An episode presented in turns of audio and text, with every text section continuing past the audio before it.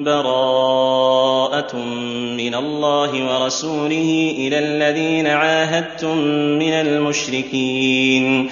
فَسِيحُوا فِي الْأَرْضِ أَرْبَعَةَ أَشْهُرٍ وَاعْلَمُوا أَنَّكُمْ غَيْرُ مُعْجِزِي اللَّهِ وَأَنَّ اللَّهَ مُخْزِي الْكَافِرِينَ. أي هذه براءة من الله ومن رسوله إلى جميع المشركين المعاهدين. أن لهم أربعة أشهر يسيحون في الأرض على اختيارهم آمنين من المؤمنين وبعد الأربعة الأشهر فلا عهد لهم ولا ميثاق. وهذا لمن كان له عهد مطلق غير مقدر أو مقدر بأربعة أشهر فأقل. أما من كان له عهد مقدر بزيادة على أربعة أشهر فإنه يتعين أن يتمم له عهده إذا لم يخف منه خيانة ولم يبدأ بنقض العهد. ثم أنذر المعاهدين في مدة عهدهم أنهم وإن كانوا آمنين. فإنهم لن يعجزوا الله ولن يفوتوه. وأنه من استمر منهم على شركه فإن الله لا بد أن يخزيه. فكان هذا مما يجلبهم إلى الدخول في الإسلام. إلا من عاند وأصر ولم يبال بوعيد الله له. وأذان من الله ورسوله إلى الناس يوم الحج الأكبر أن الله بريء من المشركين ورسوله. فإن تبتم فهو خير لكم وإن توليتم فاعلموا أنكم غير معجز الله وبشر الذين كفروا بعذاب أليم. هذا ما وعد الله به المؤمنين من نصر دينه وإعلاء كلمته وخذلان أعدائهم من المشركين الذين أخرجوا الرسول ومن معه من مكة من بيت الله الحرام وأجلوهم مما لهم التسلط عليه من أرض الحجاز نصر الله رسوله والمؤمنين حتى افتتح مكة وأذل المشركين وصار للمؤمنين الحكم والغلبة على تلك الديار. فأمر النبي صلى الله عليه وسلم مؤذنه أن يؤذن يوم الحج الأكبر وهو يوم النحر وقت اجتماع الناس مسلمهم وكافرهم من جميع جزيرة العرب أن يؤذن بأن الله بريء ورسوله من المشركين فليس لهم عنده عهد وميثاق فأينما وجدوا قتلوا وقيل لهم لا تقربوا المسجد الحرام بعد عامكم هذا وكان ذلك سنة تسع من الهجرة. وحج بالناس أبو بكر الصديق رضي الله عنه وأذن ببراءة يوم النحر ابن عم رسول الله صلى الله عليه وسلم علي بن أبي طالب رضي الله عنه. ثم رغب تعالى المشركين بالتوبة ورهبهم من الاستمرار على الشرك فقال فإن تبتم فهو خير لكم وإن توليتم فاعلموا أنكم غير معجز الله أي فائتيه بل أنتم في قبضته. قادر أن يسلط عليكم عباده المؤمنين. وبشر الذين كفروا بعذاب أليم. أي مؤلم مفضع في الدنيا بالقتل والأسر والجلاء. وفي الآخرة بالنار وبئس القرار. إلا الذين عاهدتم من المشركين ثم لم ينقصوكم شيئا ولم يظاهروا عليكم أحدا فأتموا إليهم عهدهم إلى مدتهم إن الله يحب المتقين. أي هذه البراءة التامة المطلقة من جميع المشركين إلا الذين عاهدتم من المشركين واستمروا على عهدهم ولم يجر منهم ما يوجب النقض فلا نقصوكم شيئا ولا عاونوا عليكم أحدا فهؤلاء اتموا لهم عهدهم إلى مدتهم قلت أو كثرت لأن الإسلام لا يأمر بالخيانة وإنما يأمر بالوفاء. إن الله يحب المتقين الذين أدوا ما أمروا به واتقوا الشرك والخيانة وغير ذلك من المعاصي. فإذا انسلخ الأشهر الحرم فاقتلوا المشركين حيث وجدتموهم وخذوهم واحصروهم واقعدوا لهم كل مرصد فإن تابوا وأقاموا الصلاة وآتوا الزكاة فخلوا سبيلهم إن الله غفور رحيم. يقول تعالى فإذا انسلخ الأشهر الحرم أي التي حرم فيها قتال المشركين المعاهدين وهي أشهر التسيير الأربعة. وتمام المدة لمن له مدة أكثر منها فقد برئت منهم الذمة. فاقتلوا المشركين حيث وجدتموهم في أي مكان وزمان وخذوهم اسرى واحصروهم أي ضيقوا عليهم. فلا تدعوهم يتوسعون في بلاد الله وأرضه التي جعلها الله معبدا لعباده. فهؤلاء ليسوا أهلا لسكناها ولا يستحقون منها شبرا لأن الأرض أرض الله وهم أعداؤه المنابذون له ولرسله. المحاربة الذين يريدون أن يخلوا الأرض من دينه ويأبى الله إلا أن يتم نوره ولو كره الكافرون. واقعدوا لهم كل مرصد أي كل ثنية وموضع يمرون عليه. ورابطوا في جهادكم وابذلوا غاية مجهودكم في ذلك. ولا تزالوا على هذا الأمر حتى يتوبوا من شركهم. ولهذا قال فإن تابوا من شركهم وأقاموا الصلاة أي أدوها بحقوقها وآتوا الزكاة لمستحقيها فخلوا سبيلهم. أي اتركوهم وليكونوا مثلكم لهم ما لكم وعليهم ما عليكم. إن الله غفور رحيم. يغفر الشرك فما دونه للتائبين ويرحمهم بتوفيقهم للتوبة ثم قبولها منهم. وفي هذه الآية دليل على أن من امتنع من أداء الصلاة أو الزكاة فإنه يقاتل حتى يؤديهما كما استدل بذلك أبو بكر الصديق رضي الله عنه. وان احد من المشركين استجارك فاجره حتى يسمع كلام الله ثم ابلغه مامنه ذلك بانهم قوم لا يعلمون لما كان ما تقدم من قوله فاذا انسلخ الاشهر الحرم فاقتلوا المشركين حيث وجدتموهم وخذوهم واحصروهم واقعدوا لهم كل مرصد امرا عاما في جميع الاحوال وفي كل الاشخاص منهم ذكر تعالى أن المصلحة إذا اقتضت تقريب بعضهم جاز بل وجب ذلك. فقال وإن أحد من المشركين استجارك أي طلب منك أن تجيره وتمنعه من الضرر لأجل أن يسمع كلام الله وينظر حالة الإسلام فأجره حتى يسمع كلام الله ثم إن أسلم فذاك وإلا فأبلغه مأمنة أي المحل الذي يأمن فيه. والسبب في ذلك أن الكفار قوم لا يعلمون فربما كان استمرارهم على كفرهم لجهل منهم إذا زال اختاروا عليه الإسلام. فلذلك أمر الله رسوله وأمته أسوته في الأحكام أن يجيروا من طلب أن يسمع كلام الله. وفي هذا حجة صريحة لمذهب أهل السنة والجماعة القائلين بأن القرآن كلام الله غير مخلوق لأنه تعالى هو المتكلم به وأضافه إلى نفسه إضافة الصفة إلى موصوفها وبطلان مذهب المعتزلة ومن أخذ بقولهم أن القرآن مخلوق. وكم من الأدلة الدالة على بطلان هذا القول ليس هذا محل ذكرها.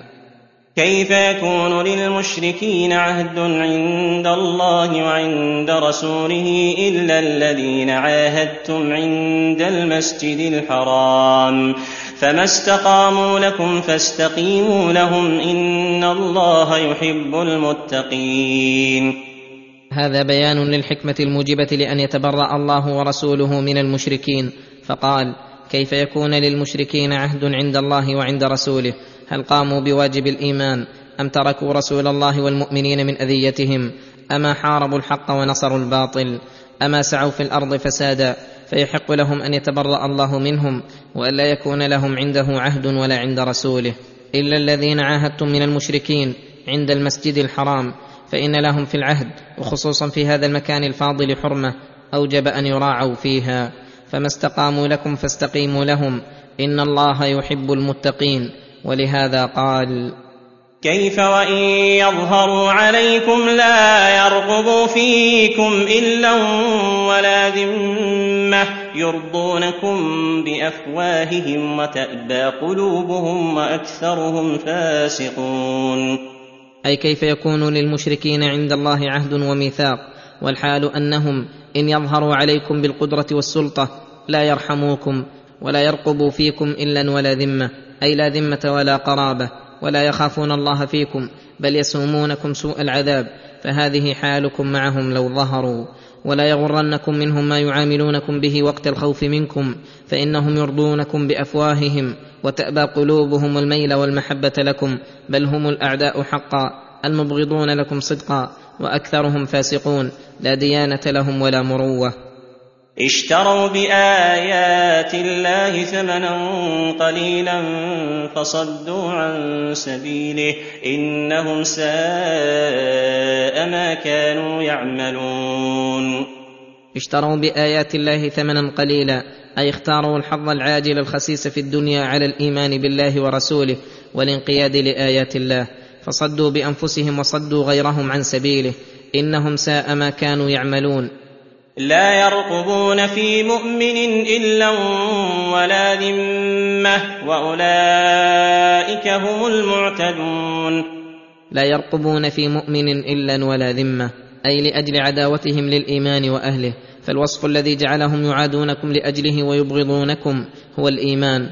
فذبوا عن دينكم وانصروه واتخذوا من عاداه لكم عدوا ومن نصره لكم وليا واجعلوا الحكم يدور معه وجودا وعدما.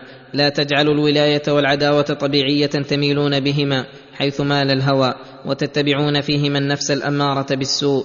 ولهذا فإن تابوا وأقاموا الصلاة وآتوا الزكاة فإخوانكم في الدين ونفصل الآيات لقوم يعلمون. فإن تابوا عن شركهم ورجعوا إلى الإيمان وأقاموا الصلاة وآتوا الزكاة فإخوانكم في الدين وتناسوا تلك العداوة إذ كانوا مشركين لتكونوا عباد الله المخلصين وبهذا يكون العبد عبدا حقيقة لما بين من أحكامه العظيمة ما بين ووضح منها ما وضح أحكاما وحكما وحكما وحكمة قال ونفصل الآيات أي نوضحها ونميزها لقوم يعلمون فإليهم سياق الكلام وبهم تعرف الآيات والأحكام وبهم عرف دين الإسلام وشرائع الدين. اللهم اجعلنا من القوم الذين يعلمون ويعملون بما يعلمون. برحمتك وجودك وكرمك وإحسانك يا رب العالمين. وان نكثوا أيمانهم من بعد عهدهم وطعنوا في دينكم فقاتلوا فقاتلوا أئمة الكفر إنهم لا أيمان لهم لعلهم ينتهون. يقول تعالى بعدما ذكر أن المعاهدين من المشركين إن استقاموا على عهدهم فاستقيموا لهم على الوفاء وإن نكثوا أيمانهم من بعد عهدهم أي نقضوها وحلوها فقاتلوكم أو أعانوا على قتالكم أو نقصوكم وطعنوا في دينكم أي عابوه وسخروا منه ويدخل في هذا جميع أنواع الطعن الموجهة إلى الدين أو إلى القرآن فقاتلوا أئمة الكفر أي القادة فيه الرؤساء الطاعنين في دين الرحمن الناصرين لدين الشيطان وخصهم بالذكر لعظم جنايتهم ولأن غيرهم تبع لهم وليدل على أن من طعن في الدين وتصدى للرد عليه فإنه من أئمة الكفر. إنهم لا أيمان لهم أي لا عهود ولا مواثيق يلازمون على الوفاء بها بل لا يزالون خائنين ناكثين للعهد لا يوثق منهم. لعلهم في قتالكم إياهم ينتهون عن الطعن في دينكم وربما دخلوا فيه ثم حث على قتالهم وهيج المؤمنين بذكر الأوصاف التي صدرت من هؤلاء الأعداء والتي هم موصوفون بها المقتضية لقتالهم فقال ألا تقاتلون قوما نكثوا أيمانهم وهموا بإخراج الرسول وهموا بإخراج الرسول وهم بدؤوكم أول مرة أتخشونهم؟ فالله أحق أن تخشوه إن كنتم مؤمنين. ألا تقاتلون قوما نكثوا أيمانهم وهموا بإخراج الرسول؟ الذي يجب احترامه وتوقيره وتعظيمه وهم هموا أن يجلوه ويخرجوه من وطنه وسعوا في ذلك ما أمكنهم وهم بداوكم أول مرة حيث نقضوا العهد وأعانوا عليكم وذلك حيث عاونت قريش وهم معاهدون بني بكر حلفاءهم على خزاعة حلفاء رسول الله صلى الله عليه وسلم وقاتلوا معهم كما هو مذكور مبسوط في السيرة. أتخشونهم في ترك قتالهم؟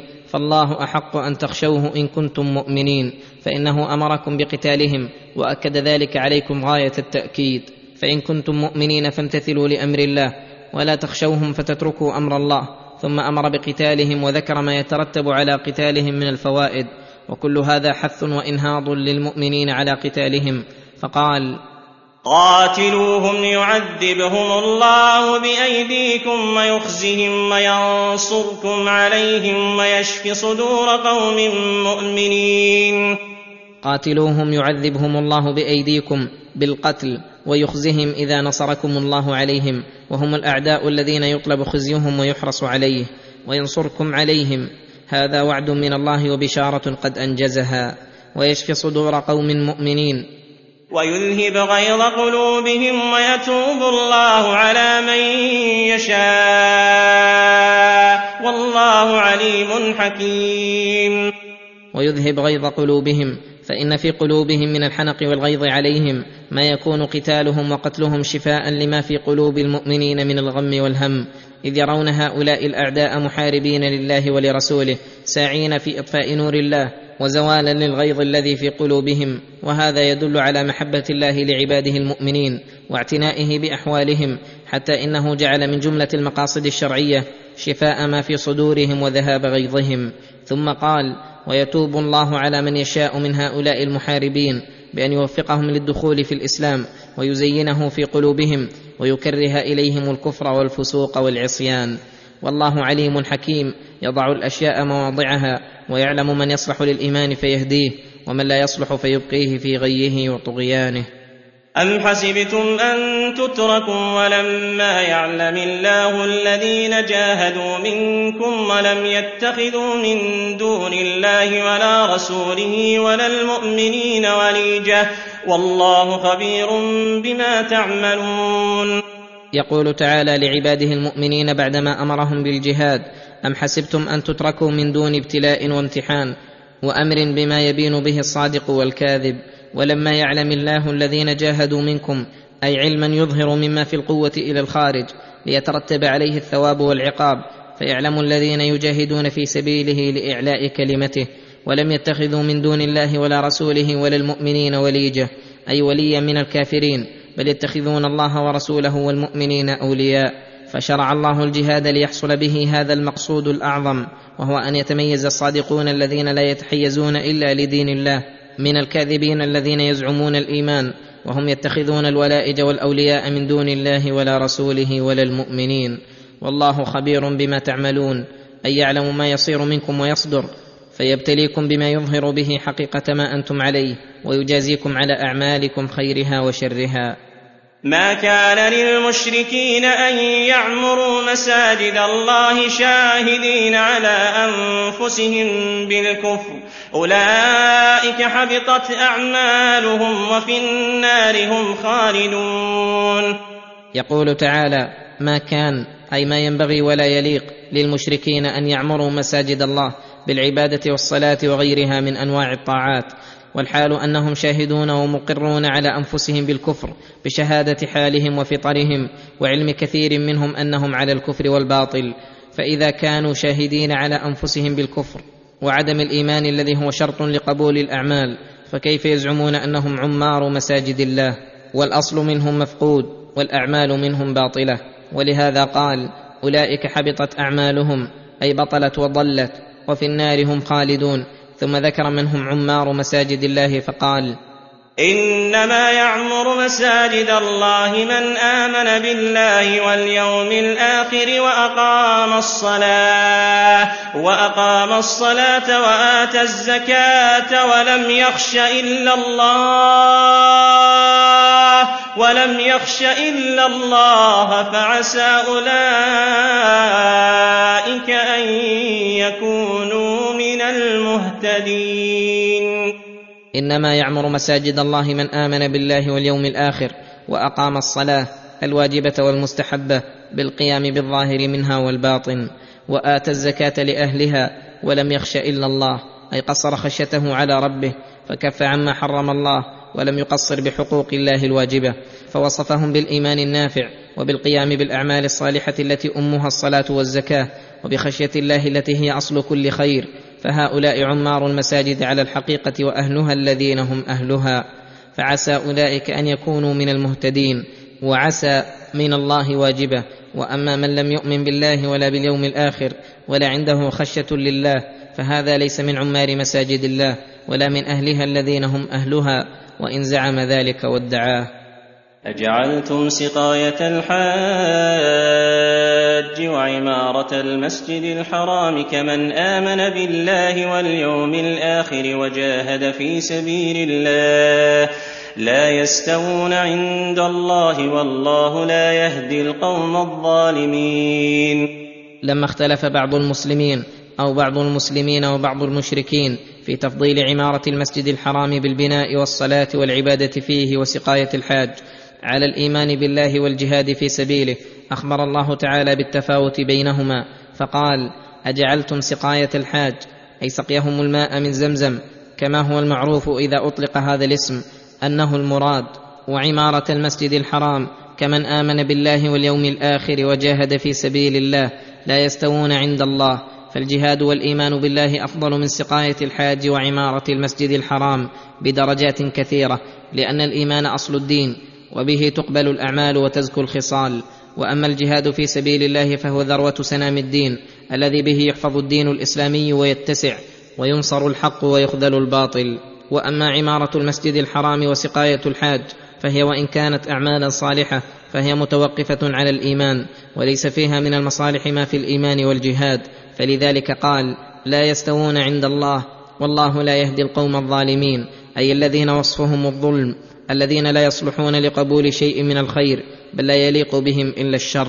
ثم صرح بالفضل فقال الذين آمنوا وهاجروا وجاهدوا في سبيل الله بأموالهم وأنفسهم أعظم أعظم درجة عند الله وأولئك هم الفائزون.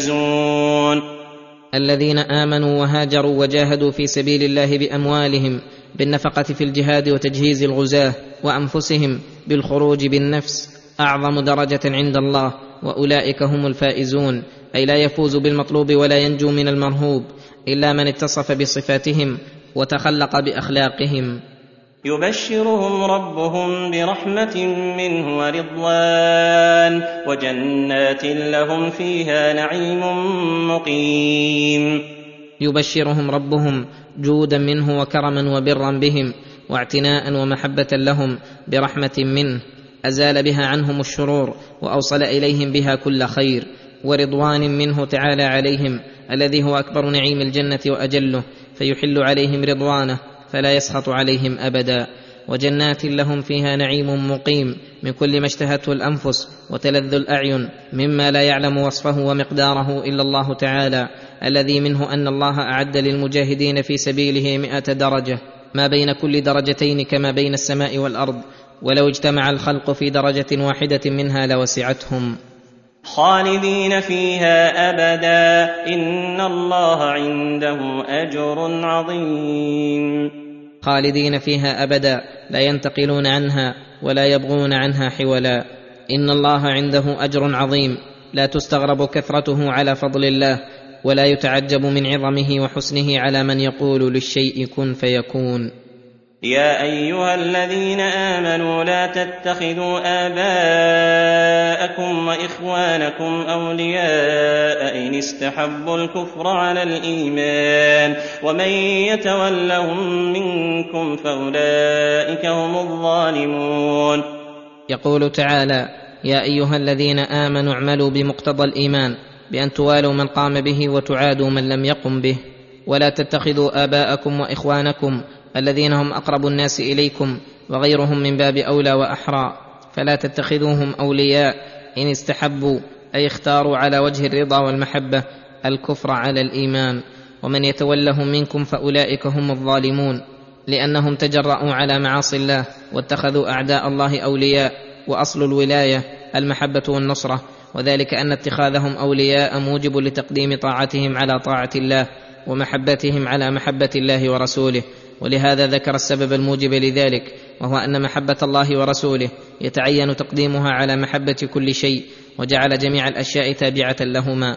فقال قل إن كان آباؤكم وأبناؤكم وإخوانكم وأزواجكم وعشيرتكم وأموال اقترفتموها وتجارة وتجارة تخشون كسادها ومساكن ترضونها أحب إليكم أحب إليكم من الله ورسوله وجهاد في سبيله فتربصوا حتى يأتي الله بأمره والله لا يهدي القوم الفاسقين. قل إن كان آباؤكم ومثلهم الأمهات وأبناؤكم وإخوانكم في النسب والعشرة وأزواجكم وعشيرتكم أي قراباتكم عموما وأموال اقترفتموها أي اكتسبتموها وتعبتم في تحصيلها خصها بالذكر لأنها أرغب عند أهلها وصاحبها أشد حرصا عليها ممن تأتيه الأموال من غير تعب ولا كد. وتجارة تخشون كسادها أي رخصها ونقصها وهذا شامل لجميع أنواع التجارات والمكاسب من عروض التجارات من الأثمان والاواني والأسلحة والأمتعة والحبوب والحروث والأنعام وغير ذلك. ومساكن ترضونها من حسنها وزخرفتها وموافقتها لأهوائكم فإن كانت هذه الأشياء أحب إليكم من الله ورسوله وجهاد في سبيله فأنتم فسقة ظلمة. فتربصوا أي انتظروا ما يحل بكم من العقاب حتى يأتي الله بأمره الذي لا مرد له. والله لا يهدي القوم الفاسقين أي الخارجين عن طاعة الله المقدمين على محبة الله شيئا من المذكورات. وهذه الآية الكريمة أعظم دليل على وجوب محبة الله ورسوله وعلى تقديمها على محبة كل شيء وعلى الوعيد الشديد والمقت الأكيد على من كان شيء من هذه المذكورات أحب إليه من الله ورسوله وجهاد في سبيله. وعلامة ذلك أنه إذا عرض عليه أمران أحدهما يحبه الله ورسوله وليس لنفسه فيه هوى والآخر تحبه نفسه وتشتهيه ولكنه يفوت عليه محبوبا لله ورسوله أو ينقصه. فإنه إن قدم ما تهواه نفسه على ما يحبه الله دل ذلك على أنه ظالم تارك لما يجب عليه. لقد نصركم الله في مواطن كثيرة ويوم حنين إذ أعجبتكم كثرتكم فلم تغن عنكم شيئا وضاقت عليكم الأرض بما رحبت ثم وليتم مدبرين. يمتن تعالى على عباده المؤمنين بنصره إياهم في مواطن كثيرة من مواطن اللقاء ومواضع الحروب والهيجاء حتى في يوم حنين الذي اشتدت عليهم فيه الأزمة ورأوا من التخاذل والفرار ما ضاقت عليهم به الأرض على رحبها وسعتها. وذلك أن النبي صلى الله عليه وسلم لما فتح مكة سمع أن هوازن اجتمعوا لحربه فسار إليهم صلى الله عليه وسلم في أصحابه الذين فتحوا مكة وبمن أسلم من الطلقاء أهل مكة فكانوا اثني عشر ألفا والمشركون أربعة آلاف فأعجب بعض المسلمين بكثرتهم وقال بعضهم لن نغلب اليوم من قلة. فلما التقوا هم وهوازن حملوا على المسلمين حملة واحدة فانهزموا لا يلوي أحد على أحد ولم يبق مع رسول الله صلى الله عليه وسلم إلا نحو مائه رجل ثبتوا معه وجعلوا يقاتلون المشركين وجعل النبي صلى الله عليه وسلم يركض بغلته نحو المشركين ويقول أنا النبي لا كذب. أنا ابن عبد المطلب. ولما رأى من المسلمين ما رأى أمر العباس بن عبد المطلب أن ينادي في الأنصار وبقية المسلمين. وكان رفيع الصوت فناداهم يا أصحاب السمرة يا أهل سورة البقرة. فلما سمعوا صوته عطفوا عطفة رجل واحد. فاجتلدوا مع المشركين فهزم الله المشركين هزيمة شنيعة واستولوا على معسكرهم ونسائهم وأموالهم. وذلك قوله تعالى لقد نصركم الله في مواطن كثيرة ويوم حنين إذ أعجبتكم كثرتكم فلم تغن عنكم شيئا وضاقت عليكم الأرض بما رحبت ثم وليتم مدبرين. لقد نصركم الله في مواطن كثيرة ويوم حنين وهو اسم للمكان الذي كانت فيه الواقعة بين مكة والطائف. إذ أعجبتكم كثرتكم فلم تغن عنكم شيئا. أي لم تفدكم شيئا قليلا ولا كثيرا وضاقت عليكم الأرض بما أصابكم من الهم والغم حين انهزمتم بما رحبت أي على رحبها وسعتها ثم وليتم مدبرين أي منهزمين. ثم أنزل الله سكينته على رسوله وعلى المؤمنين وأنزل جنودا لم تروها وعذب الذين كفروا وذلك جزاء الكافرين.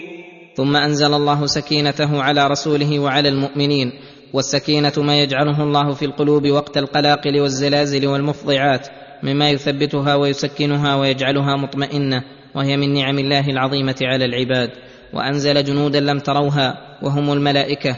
أنزلهم الله معونة للمسلمين يوم حنين يثبتونهم ويبشرونهم بالنصر. وعذب الذين كفروا بالهزيمة والقتل واستيلاء المسلمين على نسائهم وأولادهم وأموالهم. وذلك جزاء الكافرين. يعذبهم الله في الدنيا ثم يردهم في الآخرة إلى عذاب غليظ. ثم يتوب الله من بعد ذلك على من يشاء. والله غفور رحيم. ثم يتوب الله من بعد ذلك على من يشاء. فتاب الله على كثير ممن كانت الوقعة عليهم. وأتوا إلى النبي صلى الله عليه وسلم مسلمين تائبين. فرد عليهم نساءهم وأولادهم. والله غفور رحيم. أي ذو مغفرة واسعة ورحمة عامة. يعفو عن الذنوب العظيمة للتائبين ويرحمهم بتوفيقهم للتوبة والطاعة والصفح عن جرائمهم وقبول توباتهم فلا ييأسن أحد من مغفرته ورحمته ولو فعل من الذنوب والإجرام ما فعل. يا أيها الذين آمنوا إنما المشركون نجس فلا يقربوا المسجد الحرام بعد عامهم هذا وإن خفتم عيلة فسوف يغنيكم الله من فضله إن شاء إن الله عليم حكيم. يقول تعالى يا أيها الذين آمنوا إنما المشركون بالله الذين عبدوا معه غيره نجس أي خبثاء في عقائدهم وأعمالهم وأي نجاسة أبلغ ممن كان يعبد مع الله آلهة لا تنفع ولا تضر ولا تغني عنه شيئا. وأعمالهم ما بين محاربة لله وصد عن سبيله ونصر للباطل ورد للحق وعمل بالفساد في الأرض لا في الصلاح فعليكم أن تطهروا أشرف البيوت وأطهرها عنهم. فلا يقربوا المسجد الحرام بعد عامهم هذا وهو سنة تسع من الهجرة حين حج بالناس أبو بكر الصديق رضي الله عنه وبعث النبي صلى الله عليه وسلم ابن عمه عليا أن يؤذن يوم الحج الأكبر ببراءة فنادى الا يحج بعد العام مشرك ولا يطوف بالبيت عريان. وليس المراد هنا نجاسة البدن فإن الكافر كغيره طاهر البدن بدليل أن الله تعالى أباح وطأ الكتابية ومباشرتها. ولم يأمر بغسل ما أصاب منها. والمسلمون ما زالوا يباشرون أبدان الكفار ولم ينقل عنهم أنهم تقذروا منها تقذرهم من النجاسات. وإنما المراد كما تقدم نجاستهم المعنوية بالشرك. فكما أن التوحيد والإيمان طهارة فالشرك نجاسة. وقوله وإن خفتم أيها المسلمون عيلة أي فقرا وحاجة من منع المشركين من قربان المسجد الحرام بأن تنقطع الأسباب التي بينكم وبينه من الأمور الدنيوية فسوف يغنيكم الله من فضله إن شاء. فليس الرزق مقصورا على باب واحد ومحل واحد بل لا ينغلق باب إلا وفتح غيره أبواب كثيرة. فإن فضل الله واسع وجوده عظيم خصوصا لمن ترك شيئا لوجهه الكريم. فإن الله أكرم الأكرمين. وقد أنجز الله وعده. فإن الله أغنى المسلمين من فضله وبسط لهم من الأرزاق ما كانوا من أكبر الأغنياء والملوك. وقوله إن شاء تعليق للإغناء بالمشيئة لأن الغنى في الدنيا ليس من لوازم الإيمان ولا يدل على محبة الله فلهذا علقه الله بالمشيئة. فإن الله يعطي الدنيا من يحب ومن لا يحب ولا يعطي الإيمان والدين إلا من يحب. إن الله عليم حكيم أي علمه واسع يعلم من يليق به الغنى ومن لا يليق ويضع الأشياء مواضعها وينزلها منازلها وتدل الآية الكريمة وهي قوله فلا يقربوا المسجد الحرام بعد عامهم هذا أن المشركين بعدما كانوا هم الملوك والرؤساء بالبيت ثم صار بعد الفتح الحكم لرسول الله والمؤمنين مع إقامتهم في البيت ومكة المكرمة ثم نزلت هذه الآية ولما مات النبي صلى الله عليه وسلم أمر أن يجلوا من الحجاز فلا يبقى فيها دينان وكل هذا لأجل بعد كل كافر عن المسجد الحرام فيدخل في قوله فلا يقربوا المسجد الحرام بعد عامهم هذا قاتلوا الذين لا يؤمنون بالله ولا باليوم الآخر ولا يحرمون ما حرم الله ولا يحرمون ما حرم الله ورسوله ولا يدينون دين الحق من الذين أوتوا الكتاب حتى يعطوا الجزية عن يد وهم صاغرون هذه الآية أمر بقتال الكفار من اليهود والنصارى من الذين لا يؤمنون بالله ولا باليوم الآخر إيمانا صحيحا يصدقونه بأفعالهم وأعمالهم ولا يحرمون ما حرم الله فلا يتبعون شرعه في تحريم المحرمات ولا يدينون دين الحق أي لا يدينون بالدين الصحيح وإن زعموا أنهم على دين فإنه دين غير الحق لأنه ما بين دين مبدل وهو الذي لم يشرعه الله أصلا وإما دين منسوخ قد شرعه الله ثم غيره بشريعة محمد صلى الله عليه وسلم فيبقى التمسك به بعد النسخ غير جائز. فأمره بقتال هؤلاء وحث على ذلك لأنهم يدعون إلى ما هم عليه ويحصل الضرر الكثير منهم للناس بسبب أنهم أهل كتاب وغي ذلك القتال حتى يعطوا الجزية أي المال الذي يكون جزاء لترك المسلمين قتالهم وإقامتهم آمنين على أنفسهم وأموالهم بين أظهر المسلمين يؤخذ منهم كل عام. كل على حسب حاله من غني وفقير ومتوسط كما فعل ذلك أمير المؤمنين عمر بن الخطاب وغيره من أمراء المؤمنين. وقوله عن يد أي حتى يبذلوها في حال ذلهم وعدم اقتدارهم ويعطونها بأيديهم فلا يرسلون بها خادما ولا غيره بل لا تقبل إلا من أيديهم وهم صاغرون. فإذا كانوا بهذه الحال وسألوا المسلمين أن يقروهم بالجزية وهم تحت أحكام المسلمين وقهرهم وحال الأمن من شرهم وفتنتهم واستسلموا للشروط التي أجراها عليهم المسلمون مما ينفي عزهم وتكبرهم وتوجب ذلهم وصغارهم وجب على الإمام أو نائبه أن يعقدها لهم وإلا بأن لم يفوا ولم يعط الجزية عن يد وهم صاغرون لم يجز إقرارهم بالجزية بل يقاتلون حتى يسلموا واستدل بهذه الآية الجمهور الذين يقولون لا تؤخذ الجزية إلا من أهل الكتاب لأن الله لم يذكر أخذ الجزية إلا منهم وأما غيرهم فلم يذكر إلا قتالهم حتى يسلموا وألحق بأهل الكتاب في أخذ الجزية وإقرارهم في ديار المسلمين المجوس فإن النبي صلى الله عليه وسلم أخذ الجزية من مجوس هجر ثم أخذها أمير المؤمنين عمر من الفرس المجوس. وقيل إن الجزية تؤخذ من سائر الكفار من أهل الكتاب وغيرهم لأن هذه الآية نزلت بعد الفراغ من قتال العرب المشركين والشروع في قتال أهل الكتاب ونحوهم. فيكون هذا القيد إخبارا بالواقع لا مفهوم له. ويدل على هذا أن المجوس أخذت منهم الجزية وليسوا أهل كتاب ولأنه قد تواتر عن المسلمين من الصحابة ومن بعدهم أنهم يدعون من يقاتلونهم إلى إحدى ثلاث إما الإسلام أو أداء الجزية أو السيف من غير فرق بين كتابي وغيره. وقالت اليهود عزير ابن الله وقالت النصارى المسيح ابن الله. ذلك قولهم بأفواههم يضاهئون قول الذين كفروا من قبل قاتلهم الله أنا يؤفكون.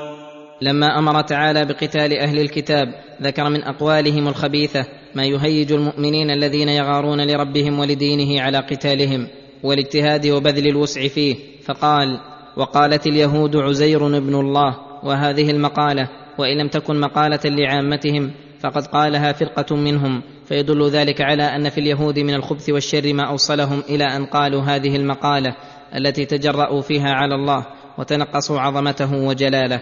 وقد قيل إن سبب ادعائهم في عزير أنه ابن الله أنه لما سلط الله الملوك على بني إسرائيل ومزقوهم كل ممزق وقتلوا حملة التوراة وجدوا عزيرا بعد ذلك حافظا لها أو لأكثرها فأملاها عليهم من حفظه. واستنسخوها فادعوا فيه هذه الدعوة الشنيعة. وقالت النصارى المسيح عيسى ابن مريم ابن الله.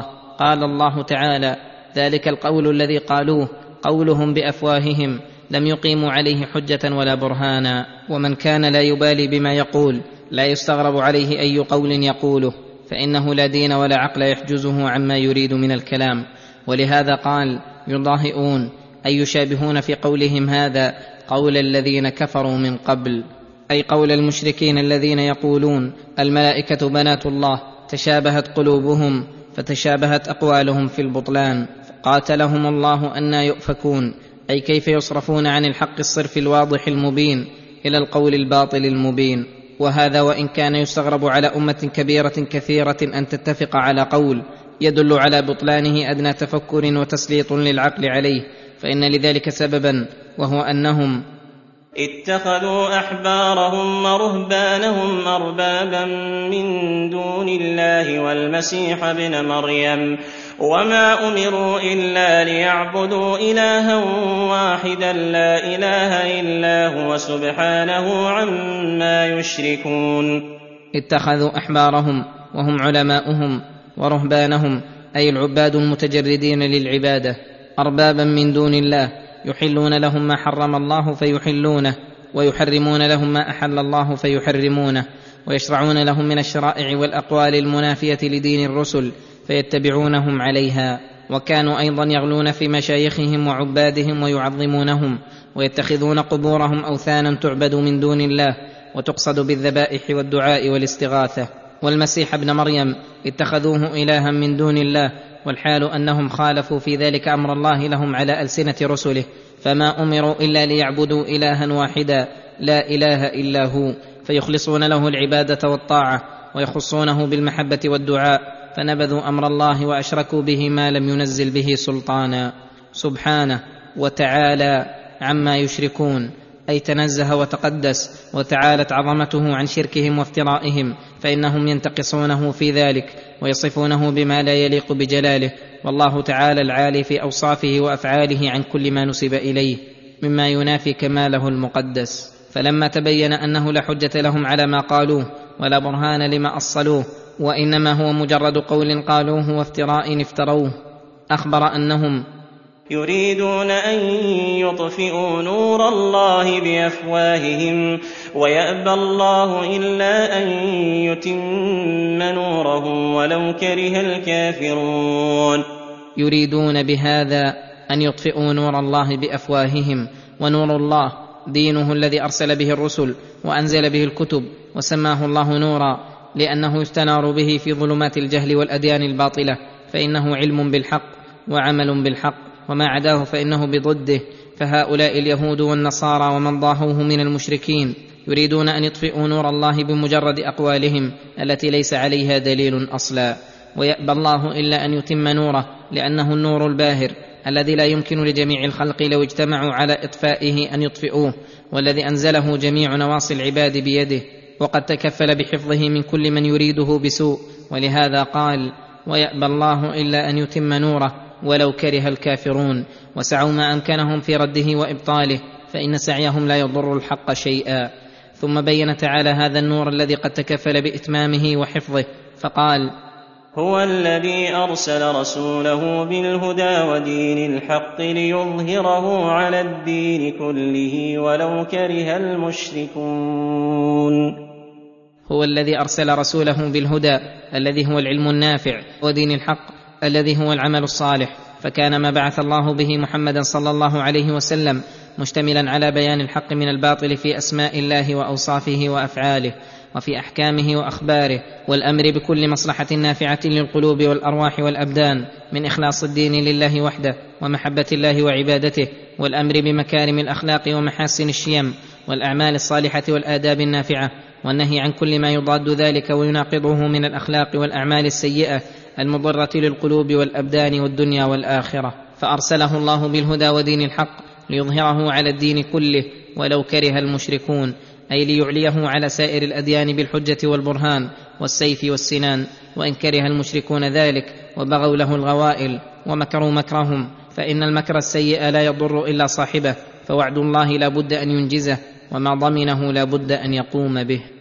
يا أيها الذين آمنوا إن كثيرا من الأحبار والرهبان ليأكلون أموال الناس بالباطل ويصدون عن سبيل الله والذين يكنزون الذهب والفضة ولا ينفقونها في سبيل الله فبشرهم فبشرهم بعذاب أليم يوم يحمى عليها في نار جهنم.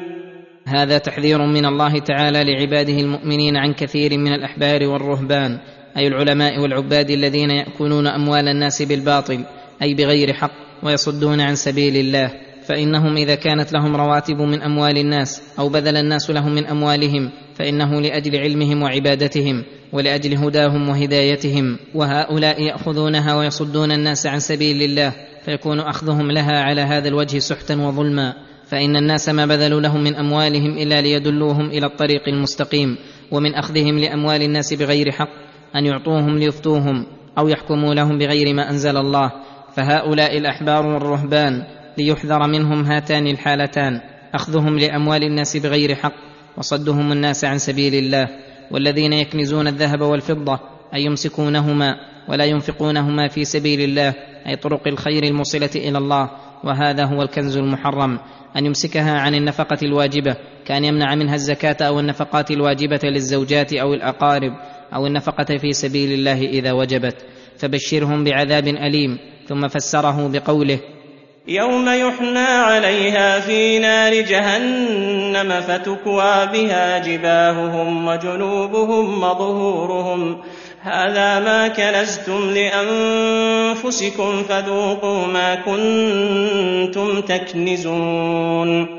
يوم يحمى عليها أي على أموالهم في نار جهنم فيحمى كل دينار أو درهم على حدته فتكوى بها جباههم وجنوبهم وظهورهم في يوم القيامة. كلما بردت أعيدت في يوم كان مقداره خمسين ألف سنة ويقال لهم توبيخا ولوما هذا ما كنزتم لأنفسكم فذوقوا ما كنتم تكنزون فما ظلمكم ولكنكم ظلمتم أنفسكم وعذبتموها بهذا الكنز. وذكر الله في هاتين الآيتين انحراف الإنسان في ماله وذلك بأحد أمرين إما أن ينفقه في الباطل الذي لا يجدي عليه نفعا بل لا يناله منه إلا الضرر المحض. وذلك كإخراج الأموال في المعاصي والشهوات التي لا تعين على طاعة الله وإخراجها للصد عن سبيل الله وإما أن يمسك ماله عن إخراجه في الواجبات والنهي عن الشيء أمر بضده وقوله إن عدة الشهور عند الله اثنا عشر شهرا في كتاب الله يوم خلق السماوات والأرض منها أربعة حرم ذلك الدين القيم فلا تظلموا فيهن أنفسكم. وقاتلوا المشركين كافة كما يقاتلونكم كافة. واعلموا أن الله مع المتقين.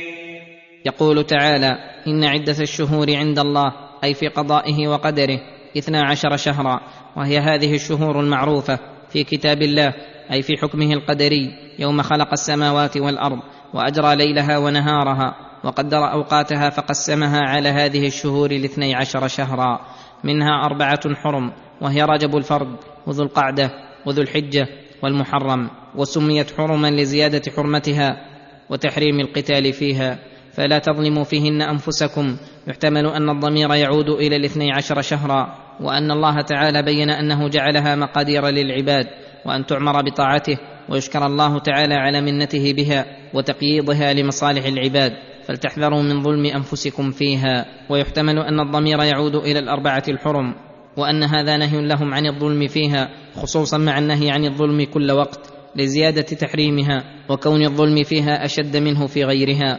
ومن ذلك النهي عن القتال فيها. على قول من قال إن القتال في الأشهر الحرم لم ينسخ تحريمه عملا بالنصوص العامة في تحريم القتال فيها. ومنهم من قال إن تحريم القتال فيها منسوخ اخذا بعموم نحو قوله تعالى وقاتلوا المشركين كافة كما يقاتلونكم كافة. أي قاتلوا جميع أنواع المشركين والكافرين برب العالمين.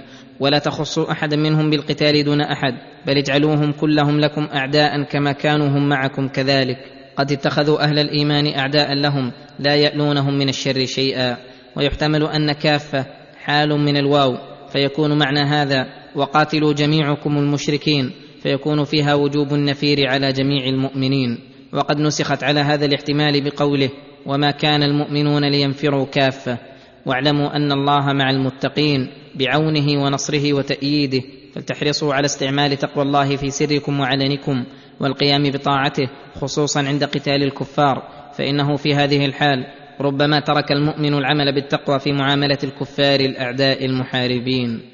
إنما النسيء زيادة في الكفر يضل به الذين كفروا يحلونه عاما ويحرمونه عاما ليواطئوا ليواطئوا عدة ما حرم الله فيحلوا ما حرم الله. زين لهم سوء أعمالهم والله لا يهدي القوم الكافرين. النسيء هو ما كان أهل الجاهلية يستعملونه في الأشهر الحرم وكان من جملة بدعهم الباطلة أنهم لما رأوا احتياجهم للقتال في بعض أوقات الأشهر الحرم رأوا بآرائهم الفاسدة أن يحافظوا على عدة الأشهر الحرم التي حرم الله القتال فيها وأن يؤخروا بعض الأشهر الحرم أو يقدموه ويجعلوا مكانه من أشهر الحل ما أرادوا فإذا جعلوه مكانه أحلوا القتال فيه وجعلوا الشهر الحلال حراما. فهذا كما أخبر الله عنهم أنه زيادة في كفرهم وضلالهم لما فيه من المحاذير منها أنهم ابتدعوه من تلقاء أنفسهم وجعلوه بمنزلة شرع الله ودينه والله ورسوله بريئان منه ومنها أنهم قلبوا الدين فجعلوا الحلال حراما والحرام حلالا ومنها أنهم موهوا على الله بزعمهم وعلى عباده ولبسوا عليهم دينهم واستعملوا الخداع والحيلة في دين الله ومنها أن العوائد المخالفة للشرع مع الاستمرار عليها يزول قبحها عن النفوس وربما ظن أنها عوائد حسنة فحصل من الغلط والضلال ما حصل. ولهذا قال يضل به الذين كفروا يحلونه عاما ويحرمونه عاما ليواطئوا عدة ما حرم الله أي ليوافقوها في العدد فيحلوا ما حرم الله. زين لهم سوء أعمالهم أي زينت لهم الشياطين الأعمال السيئة فرأوها حسنة. بسبب العقيدة المزينة في قلوبهم. والله لا يهدي القوم الكافرين أي الذين انصبغ الكفر والتكذيب في قلوبهم فلو جاءتهم كل آية لم يؤمنوا. قال الله تعالى يا أيها الذين آمنوا ما لكم إذا قيل لكم انفروا في سبيل الله اثاقلتم إلى الأرض أرضيتم بالحياة الدنيا من الآخرة فما متاع الحياة الدنيا في الآخرة إلا قليل. اعلم أن كثيرا من هذه السورة الكريمة نزلت في غزوة تبوك، إذ ندب النبي صلى الله عليه وسلم المسلمين إلى غزو الروم، وكان الوقت حارا والزاد قليلا والمعيشة عسرة، فحصل من بعض المسلمين من التثاقل ما أوجب أن يعاتبهم الله تعالى عليه ويستنهضهم فقال تعالى يا أيها الذين آمنوا ألا تعملون بمقتضى الإيمان وداعي اليقين من المبادرة لأمر الله والمسارعة إلى رضاه وجهاد أعدائه والنصرة لدينكم. فما لكم إذا قيل لكم انفروا في سبيل الله اثقلتم إلى الأرض أي تكاسلتم وملتم إلى الأرض والدعة والسكون فيها. أرضيتم بالحياة الدنيا من الآخرة أي ما حالكم إلا حال من رضي بالدنيا وسعى لها ولم يبالي بالآخرة. فكأنه ما آمن بها. فما متاع الحياة الدنيا التي مالت بكم وقدمتموها على الآخرة إلا قليل. أفليس قد جعل الله لكم عقولا تزنون بها الأمور وأيها أحق بالإيثار؟ أفليست الدنيا من أولها إلى آخرها لا نسبة لها في الآخرة؟ فما مقدار عمر الإنسان القصير جدا من الدنيا حتى يجعله الغاية التي لا غاية وراءها؟ فيجعل سعيه وكده وهمه وإرادته لا يتعدى حياته الدنيا القصيرة المملوءة بالأكدار المشحونة بالأخطار. فبأي رأي رأيتم إيثارها على الدار الآخرة الجامعة لكل نعيم التي فيها ما تشتهيه الأنفس وتلذ الأعين وأنتم فيها خالدون. فوالله ما آثر الدنيا على الآخرة من وقر الإيمان في قلبه ولا من جزل رأيه ولا من عد من أولي الألباب. ثم توعدهم على عدم النفير فقال إلا تنفروا يعذبكم عذابا أليما ويستبدل قوما غيركم ولا تضروه شيئا والله على كل شيء قدير. إلا تنفروا يعذبكم عذابا أليما في الدنيا والآخرة فإن عدم النفير في حال الاستنفار من كبائر الذنوب الموجبة لأشد العقاب لما فيها من المضار الشديده فإن المتخلف قد عصى الله تعالى وارتكب لنهيه ولم يساعد على نصر دين الله ولا ذب عن كتاب الله وشرعه ولا أعان إخوانه المسلمين على عدوهم الذي يريد أن يستأصلهم ويمحق دينهم وربما اقتدى به غيره من ضعفاء الإيمان بل ربما فت في أعضاد من قاموا بجهاد أعداء الله. فحقيق بمن هذا حاله أن يتوعده الله بالوعيد الشديد. فقال إلا تنفروا يعذبكم عذابا اليما ويستبدل قوما غيركم. ثم لا يكونوا أمثالكم ولا تضروه شيئا فإنه تعالى متكفل بنصر دينه وإعلاء كلمته فسواء امتثلتم لأمر الله أو ألقيتموه وراءكم ظهريا والله على كل شيء قدير لا يعجزه شيء أراده ولا يغالبه أحد إلا تنصروه فقد نصره الله إذ أخرجه الذين كفروا ثاني اثنين إذ هما في الغار إذ هما في الغار إذ يقول لصاحبه لا تحزن إن الله معنا فأنزل الله سكينته عليه وأيده بجنود لم تروها وجعل كلمة الذين كفروا السفلى وكلمة الله هي العليا والله عزيز حكيم. أي إلا تنصروا رسوله محمدا صلى الله عليه وسلم فالله غني عنكم لا تضرونه شيئا. فقد نصره في أقل ما يكون وأذله إذ أخرجه الذين كفروا من مكة لما هموا بقتله وسعوا في ذلك وحرصوا أشد الحرص فالجاوه إلى أن يخرج. ثاني اثنين أي هو وأبو بكر الصديق رضي الله عنه إذ هما في الغار أي لما هربا من مكة لجأ إلى غار ثور في أسفل مكة فمكث فيه ليبرد عنهما الطلب. فهما في تلك الحالة الحرجة الشديدة المشقة حين انتشر الأعداء من كل جانب يطلبونهما ليقتلوهما فأنزل الله عليهما من نصره ما لا يخطر على البال. إذ يقول النبي صلى الله عليه وسلم لصاحبه أبي بكر لما حزن واشتد قلقه لا تحزن إن الله معنا بعونه ونصره وتأييده. فأنزل الله سكينته عليه أي الثبات والطمأنينة والسكون المثبتة للفؤاد. ولهذا لما قلق صاحبه سكنه وقال لا تحزن إن الله معنا. وأيده بجنود لم تروها وهي الملائكة الكرام الذين جعلهم الله حرسا له. وجعل كلمة الذين كفروا السفلى أي الساقطة المخذولة. فإن الذين كفروا قد كانوا على حرد قادرين في ظنهم على قتل الرسول صلى الله عليه وسلم وأخذه حانقين عليه فعملوا غاية مجهودهم في ذلك. فخذلهم الله ولم يتم لهم مقصودهم بل ولا أدركوا شيئا منه. ونصر الله رسوله بدفعه عنه. وهذا هو النصر المذكور في هذا الموضع. فإن النصر على قسمين. نصر المسلمين إذا طمعوا في عدوهم بأن يتم الله لهم ما طلبوا وقصدوا ويستولوا على عدوهم ويظهروا عليهم. والثاني نصر المستضعف الذي طمع فيه عدوه القادر. فنصر الله إياه أن يرد عنه عدوه ويدافع عنه. ولعل هذا النصر أنفع النصرين. ونصر الله رسوله إذا أخرجه الذين كفروا ثاني اثنين. من هذا النوع وقوله وكلمة الله هي العليا أي كلماته القدرية وكلماته الدينية هي العالية على كلمة غيره التي من جملتها قوله وكان حقا علينا نصر المؤمنين إنا لننصر رسلنا والذين آمنوا في الحياة الدنيا ويوم يقوم الأشهاد وإن جندنا لهم الغالبون فدين الله هو الظاهر العالي على سائر الأديان بالحجج الواضحة والآيات الباهرة والسلطان الناصر.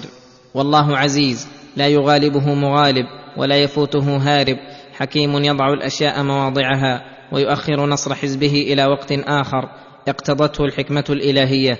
وفي هذه الآية الكريمة فضيلة أبي بكر الصديق بخصيصة لم تكن لغيره من هذه الأمة وهي الفوز بهذه المنقبة الجليلة والصحبة الجميلة. وقد أجمع المسلمون على أنه هو المراد بهذه الآية الكريمة. ولهذا عدوا من أنكر صحبة أبي بكر للنبي صلى الله عليه وسلم كافرا لأنه منكر للقرآن الذي صرح بها وفيها فضيلة السكينة وأنها من تمام نعمة الله على العبد في أوقات الشدائد والمخاوف التي تطيش بها الأفئدة وأنها تكون على حسب معرفة العبد بربه وثقته بوعده الصادق وبحسب إيمانه وشجاعته وفيها أن الحزن قد يعرض لخواص عباد الله الصديقين مع أن الأولى إذا نزل بالعبد أن يسعى في ذهابه عنه فإنه مضعف للقلب موهن للعزيمة. انفروا خفافا وثقالا وجاهدوا بأموالكم وجاهدوا بأموالكم وأنفسكم في سبيل الله. ذلكم خير لكم إن كنتم تعلمون. يقول تعالى لعباده المؤمنين مهيجا لهم على النفير في سبيله فقال انفروا خفافا وثقالا أي في العسر واليسر والمنشط والمكره والحر والبرد وفي جميع الأحوال وجاهدوا بأموالكم وأنفسكم في سبيل الله أي ابذلوا جهدكم في ذلك واستفرغوا وسعكم في المال والنفس وفي هذا دليل على أنه كما يجب الجهاد في النفس يجب الجهاد في المال حيث اقتضت الحاجة ودعت لذلك. ثم قال ذلكم خير لكم إن كنتم تعلمون أي الجهاد في النفس والمال خير لكم من التقاعد عن ذلك لأن فيه رضا الله تعالى والفوز بالدرجات العالية عنده والنصر لدين الله والدخول في جملة جنده وحزبه. لو كان عرضا قريبا وسفرا قاصدا لاتبعوك ولكن بعدت عليهم الشقة وسيحلفون بالله لو استطعنا لخرجنا معكم يهلكون أنفسهم والله يعلم إنهم لكاذبون. لو كان خروجهم لطلب العرض القريب أي منفعة دنيوية سهلة التناول وكان السفر سفرا قاصدا أي قريبا سهلا لاتبعوك لعدم المشقة الكثيرة ولكن بعدت عليهم الشقة. أي طالت عليهم المسافة وصعب عليهم السفر فلذلك تثاقلوا عنك. وليس هذا من أمارات العبودية بل العبد حقيقة هو المتعبد لربه في كل حال القائم بالعبادة السهلة والشاقة. فهذا العبد لله على كل حال. وسيحلفون بالله لو استطعنا لخرجنا معكم. أي سيحلفون أن تخلفهم عن الخروج أن لهم أعذارا وأنهم لا يستطيعون ذلك يهلكون أنفسهم بالقعود والكذب والإخبار بغير الواقع. والله يعلم إنهم لكاذبون. وهذا العتاب إنما هو للمنافقين الذين تخلفوا عن النبي صلى الله عليه وسلم في غزوة تبوك وأبدوا من الأعذار الكاذبة ما أبدوا. فعفى النبي صلى الله عليه وسلم عنهم بمجرد اعتذارهم من غير أن يمتحنهم. فيتبين له الصادق من الكاذب ولهذا عاتبه الله على هذه المسارعة إلى عذرهم فقال عفى الله عنك لم أذنت لهم حتى يتبين لك الذين صدقوا وتعلم الكاذبين. يقول تعالى لرسوله صلى الله عليه وسلم عفى الله عنك أي سامحك وغفر لك ما أجريت لما أذنت لهم في التخلف حتى يتبين لك الذين صدقوا وتعلم الكاذبين بأن تمتحنهم ليتبين لك الصادق من الكاذب فتعذر من يستحق العذر ممن لا يستحق ذلك. لا يستأذنك الذين يؤمنون بالله واليوم الآخر أن يجاهدوا بأموالهم وأنفسهم والله عليم بالمتقين. ثم أخبر أن المؤمنين بالله واليوم الآخر لا يستأذنون في ترك الجهاد بأموالهم وأنفسهم لأن ما معهم من الرغبة في الخير والإيمان يحملهم على الجهاد من غير أن يحثهم عليه حاث. فضلا عن كونهم يستأذنون في تركه من غير عذر. والله عليم بالمتقين فيجازيهم على ما قاموا به من تقواه ومن علمه بالمتقين أنه أخبر أن من علاماتهم أنهم لا يستأذنون في ترك الجهاد. إنما يستأذنك الذين لا يؤمنون بالله واليوم الآخر وارتابت قلوبهم وارتابت قلوبهم فهم في ريبهم يترددون. إنما يستأذنك الذين لا يؤمنون بالله واليوم الآخر وارتابت قلوبهم أي ليس لهم إيمان تام ولا يقين صادق. فلذلك قلت رغبتهم في الخير وجبنوا عن القتال واحتاجوا أن يستأذنوا في ترك القتال فهم في ريبهم يترددون أي لا يزالون في الشك والحيرة. ولو أرادوا الخروج لأعدوا له عدة ولكن كره الله بعاثهم ولكن كره الله بعاثهم فثبطهم وقيل اقعدوا مع القاعدين. يقول تعالى مبينا أن المتخلفين من المنافقين قد ظهر منهم من القرائن ما يبين أنهم ما قصدوا الخروج للجهاد بالكلية وأن أعذارهم التي اعتذروها باطلة فإن العذر هو المانع الذي يمنع إذا بذل العبد وسعه وسعى في أسباب الخروج ثم منعه مانع شرعي فهذا الذي يعذر. وأما هؤلاء المنافقون فلو أرادوا الخروج لأعدوا له عدة. أي لاستعدوا وعملوا ما يمكنهم من الأسباب ولكن لما لم يعدوا له عدة علم أنهم ما أرادوا الخروج. ولكن كره الله انبعاثهم معكم في الخروج للغزو فثبطهم قدرا وقضاء. وإن كان قد أمرهم وحثهم على الخروج وجعلهم مقتدرين عليه ولكن بحكمته ما أراد إعانتهم بل خذلهم وثبطهم.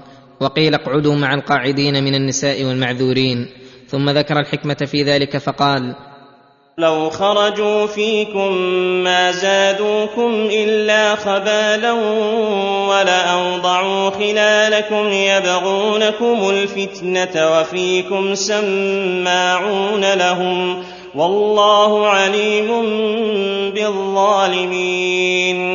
لو خرجوا فيكم ما زادوكم إلا خبالا أي نقصا ولاوضعوا خلالكم أي ولسعوا في الفتنة والشر بينكم وفرقوا جماعتكم المجتمعين يبغونكم الفتنة أي هم حريصون على فتنتكم وإلقاء العداوة بينكم. وفيكم أناس ضعفاء العقول سماعون لهم أي مستجيبون لدعوتهم يغترون بهم. فإذا كانوا هم حريصين على خذلانكم وإلقاء الشر بينكم وتثبيطكم عن أعدائكم. وفيكم من يقبل منهم ويستنصحهم. فما ظنك بالشر الحاصل من خروجهم مع المؤمنين والنقص الكثير منهم فلله أتم الحكمة حيث ثبطهم ومنعهم من الخروج مع عباده المؤمنين رحمة بهم ولطفا من أن يداخلهم ما لا ينفعهم بل يضرهم والله عليم بالظالمين فيعلم عباده كيف يحذرونهم ويبين لهم من المفاسد الناشئة من مخالطتهم ثم ذكر أنه قد سبق لهم سوابق في الشر فقال لقد ابتغوا الفتنة من قبل وقلبوا لك الأمور حتى جاء الحق وظهر أمر الله وظهر أمر الله وهم كارهون. لقد ابتغوا الفتنة من قبل أي حين هاجرتم إلى المدينة بذلوا الجهد وقلبوا لك الأمور. أي أداروا الأفكار وأعملوا الحيل في إبطال دعوتكم وخذلان دينكم ولم يقصروا في ذلك حتى جاء الحق وظهر أمر الله وهم كارهون.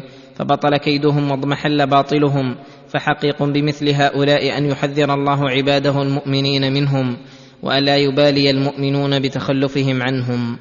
ومنهم من يقول ائذن لي ولا تفتني ألا في الفتنة سقطوا وإن جهنم لمحيطة بالكافرين. أي ومن هؤلاء المنافقين من يستأذن في التخلف ويعتذر بعذر آخر عجيب فيقول ائذن لي في التخلف ولا تفتني في الخروج فإني إذا خرجت فرأيت نساء بني الأصفر لا أصبر عنهن كما قال ذلك الجد بن قيس ومقصوده قبحه الله. الرياء والنفاق بأن مقصودي مقصود حسن فإن في خروجي فتنة وتعرضا للشر وفي عدم خروجي عافية وكفا عن الشر. قال الله تعالى مبينا كذب هذا القول ألا في الفتنة سقطوا فإنه على تقدير صدق هذا القائل في قصده فإن في التخلف مفسدة كبرى وفتنة عظمى محققة. وهي معصية الله ومعصية رسوله والتجرئ على الإثم الكبير والوزر العظيم. وأما الخروج فمفسدة قليلة بالنسبة للتخلف وهي متوهمة مع أن هذا القائل قصده التخلف لا غير. ولهذا توعدهم الله بقوله وإن جهنم لمحيطة بالكافرين. ليس لهم عنها مفر ولا مناص ولا فكاك ولا خلاص. إن تصبك حسنة تسؤهم وإن تصبك مصيبة يقولوا قد أخذنا أمرنا من قبل ويتولوا وهم فرحون. يقول تعالى مبينا أن المنافقين هم الأعداء حقا المبغضون للدين صرفا. إن تصبك حسنة كنصر وإدالة على العدو تسؤهم أي تحزنهم وتغمهم.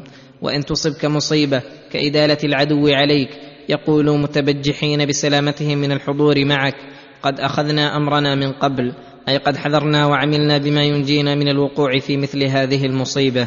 ويتولوا وهم فرحون فيفرحون بمصيبتك وبعدم مشاركتهم إياك فيها. قال تعالى رادا عليهم في ذلك قل لن يصيبنا إلا ما كتب الله لنا هو مولانا وعلى الله فليتوكل المؤمنون.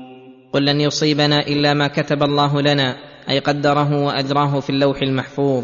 هو مولانا أي متولي أمورنا الدينية والدنيوية فعلينا الرضا بأقداره وليس في أيدينا من الأمر شيء. وعلى الله وحده فليتوكل المؤمنون أن يعتمدوا عليه في جلب مصالحهم ودفع المضار عنهم ويثقوا به في تحصيل مطلوبهم. فلا خاب من توكل عليه وأما من توكل على غيره فإنه مخذول غير مدرك لما أمل. قل هل تربصون بنا إلا إحدى الحسنيين ونحن نتربص بكم أن يصيبكم الله بعذاب من عنده أو بأيدينا فتربصوا إنا معكم متربصون. أي قل للمنافقين الذين يتربصون بكم الدوائر أي شيء تربصون بنا. فإنكم لا تربصون بنا إلا أمرا فيه غاية نفعنا وهو إحدى الحسنيين. إما الظفر بالأعداء والنصر عليهم ونيل الثواب الأخروي والدنيوي وإما الشهادة التي هي من أعلى درجات الخلق وأرفع المنازل عند الله.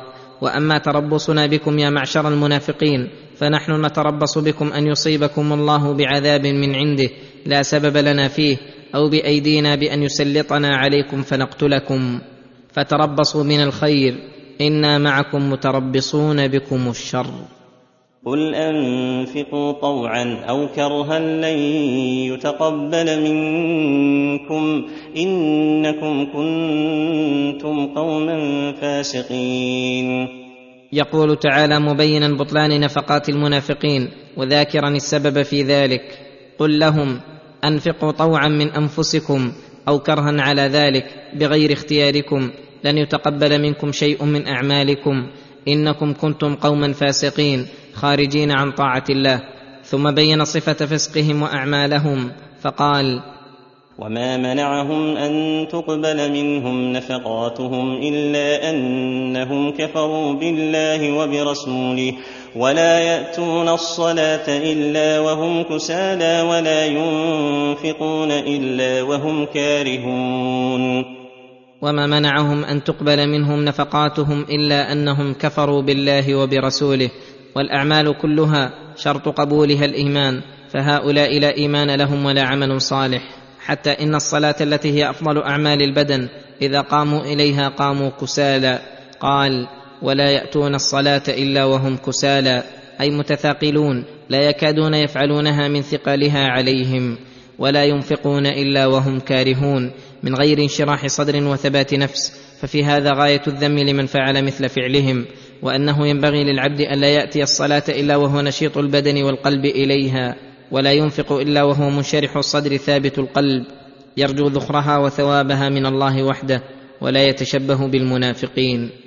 فلا تعجبك أموالهم ولا أولادهم إنما يريد الله ليعذبهم بها في الحياة الدنيا وتزهق أنفسهم وهم كافرون.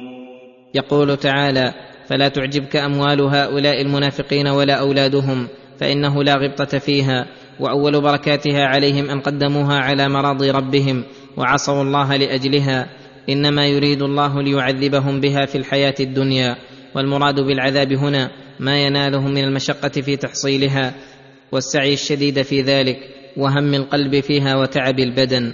فلو قابلت لذاتهم فيها بمشقاتهم لم يكن لها نسبة إليها فهي لما ألهتهم عن الله وذكره صارت وبالا عليهم حتى في الدنيا. ومن وبالها العظيم الخطر أن قلوبهم تتعلق بها وإراداتهم لا تتعداها. فتكون منتهى مطلوبهم وغاية مرغوبهم ولا يبقى في قلوبهم للآخرة نصيب فيوجب ذلك أن ينتقلوا من الدنيا وتزهق أنفسهم وهم كافرون. فأي عقوبة أعظم من هذه العقوبة الموجبة للشقاء الدائم والحسرة الملازمة؟ ويحلفون بالله إنهم لمنكم وما هم منكم ولكنهم قوم يفرقون. ويحلفون بالله إنهم لمنكم وما هم منكم ولكنهم قصدهم في حلفهم هذا أنهم قوم يفرقون أي يخافون الدوائر وليس في قلوبهم شجاعة تحملهم على أن يبينوا أحوالهم فيخافون إن أظهروا حالهم منكم ويخافون أن تتبرأوا منهم فيتخطفهم الأعداء من كل جانب. وأما حال قوي القلب ثابت الجنان فإنه يحمله ذلك على بيان حاله حسنة كانت أو سيئة. ولكن المنافقين خلع عليهم خلعة الجبن وحلوا بحلية الكذب. ثم ذكر شدة جبنهم فقال لو يجدون ملجأ أو مغارات أو مدخلا لولوا إليه وهم يجمحون. لو يجدون ملجأ يلجؤون إليه عندما تنزل بهم الشدائد أو مغارات يدخلونها فيستقرون فيها أو مدخلا أي محلا يدخلونه فيتحصنون فيه لولوا إليه وهم يجمحون اي يسرعون ويهرعون فليس لهم ملكة يقتدرون بها على الثبات. ومنهم من يلمزك في الصدقات فإن أعطوا منها رضوا وإن لم يعطوا منها إذا هم يسخطون. أي ومن هؤلاء المنافقين من يعيبك في قسمة الصدقات وينتقد عليك فيها وليس انتقادهم فيها وعيبهم لقصد صحيح ولا لرأي رجيح. وإنما مقصودهم أن يعطوا منها فإن أعطوا منها رضوا وإن لم يعطوا منها إذا هم يسخطون. وهذه حالة لا تنبغي للعبد أن يكون رضاه وغضبه تابعا لهوى نفسه الدنيوي وغرضه الفاسد بل الذي ينبغي أن يكون هواه تبعا لمرضاة ربه كما قال النبي صلى الله عليه وسلم لا يؤمن أحدكم حتى يكون هواه تبعا لما جئت به وقال هنا ولو انهم رضوا ما اتاهم الله ورسوله وقالوا حسبنا الله وقالوا حسبنا الله سيؤتينا الله من فضله ورسوله أنا إلى الله راغبون ولو انهم رضوا ما اتاهم الله ورسوله أي أعطاهم من قليل وكثير وقالوا حسبنا الله أي كافينا الله فنرضى بما قسمه لنا. وليؤملوا فضله وإحسانه إليهم بأن يقولوا سيؤتينا الله من فضله ورسوله إنا إلى الله راغبون أي متضرعون في جلب منافعنا ودفع مضارنا لسلموا من النفاق ولهدوا إلى الإيمان والأحوال العالية. ثم بين تعالى كيفية قسمة الصدقات الواجبة فقال إنما الصدقات للفقراء والمساكين والعاملين عليها والمؤلفة قلوبهم وفي الرقاب وفي الرقاب والغارمين وفي سبيل الله وابن السبيل فريضة من الله. والله عليم حكيم. يقول تعالى إنما الصدقات أي الزكوات الواجبة بدليل أن الصدقة المستحبة لكل أحد لا يخص بها أحد دون أحد أي إنما الصدقات لهؤلاء المذكورين دون من عداهم لأنه حصرها فيهم وهم ثمانية أصناف الأول والثاني الفقراء والمساكين وهم في هذا الموضع صنفان متفاوتان فالفقير أشد حاجة من المسكين لأن الله بدأ بهم ولا يبدأ إلا بالأهم فالأهم ففسر الفقير بأنه الذي لا يجد شيئا أو يجد بعض كفايته دون نصفها والمسكين الذي يجد نصفها فأكثر ولا يجد تمام كفايته لأنه لو وجدها لكان غنيا فيعطون من الزكاة ما يزول به فقرهم ومسكنتهم.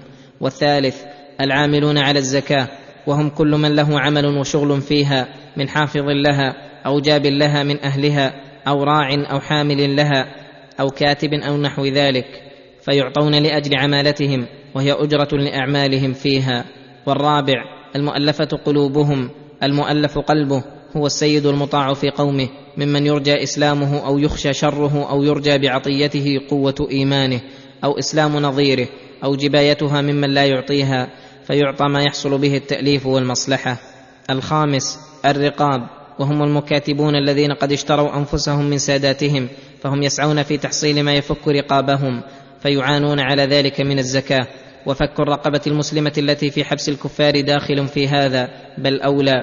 ويدخل في هذا أنه يجوز أن يعتق منها الرقاب استقلالا لدخوله في قوله وفي الرقاب. السادس الغارمون وهم قسمان. أحدهما الغارمون لإصلاح ذات البين وهو أن يكون بين طائفتين من الناس شر وفتنة. فيتوسط الرجل للإصلاح بينهم بمال يبذله لأحدهم أو لهم كلهم.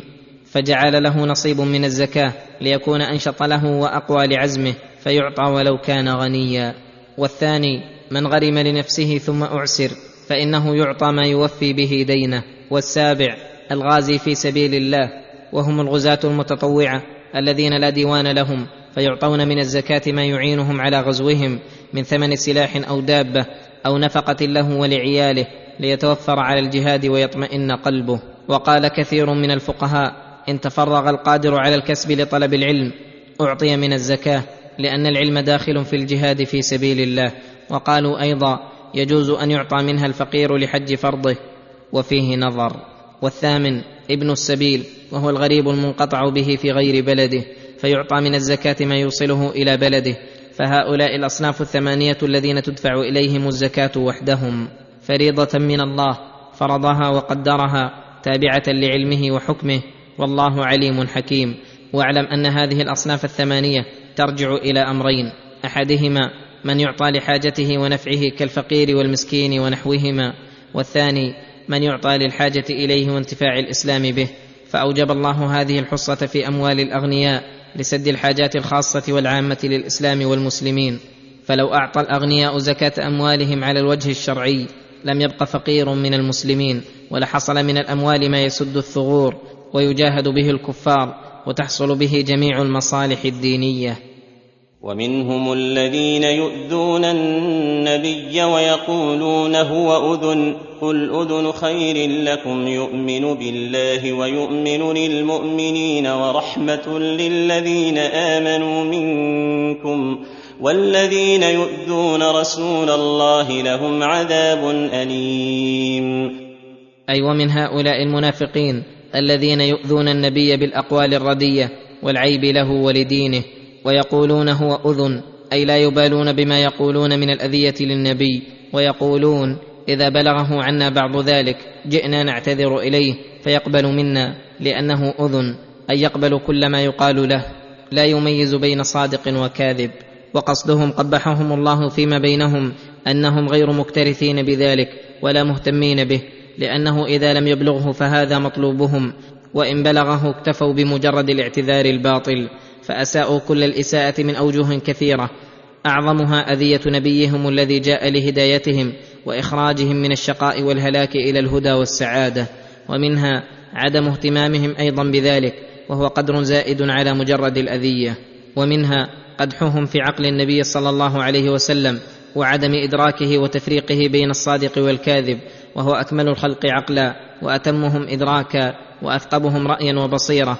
ولهذا قال الله تعالى قل أذن خير لكم أن يقبل من قال له خيرا وصدقا. وأما إعراضه وعدم تعنيفه لكثير من المنافقين المعتذرين بالأعذار الكذب فلسعة خلقه وعدم اهتمامه بشأنهم وامتثاله لأمر الله في قوله سيحلفون بالله لكم إذا انقلبتم إليهم لتعرضوا عنهم فأعرضوا عنهم إنهم رجس. وأما حقيقة ما في قلبه ورأيه فقال عنه يؤمن بالله ويؤمن للمؤمنين الصادقين المصدقين ويعلم الصادق من الكاذب وإن كان كثيرا يعرض عن الذين يعرف كذبهم وعدم صدقهم. ورحمة للذين آمنوا منكم فإنهم به يهتدون وبأخلاقه يقتدون. وأما غير المؤمنين فإنهم لم يقبلوا هذه الرحمة بل ردوها فخسروا دنياهم وآخرتهم. والذين يؤذون رسول الله بالقول أو الفعل لهم عذاب أليم في الدنيا والآخرة ومن العذاب الأليم أنه يتحتم قتل مؤذيه وشاتمه. يحلفون بالله لكم ليرضوكم يحلفون بالله لكم ليرضوكم والله ورسوله أحق أن يرضوه إن كانوا مؤمنين. يحلفون بالله لكم ليرضوكم فيتبرأوا مما صدر منهم من الأذية وغيرها فغايتهم أن ترضوا عليهم.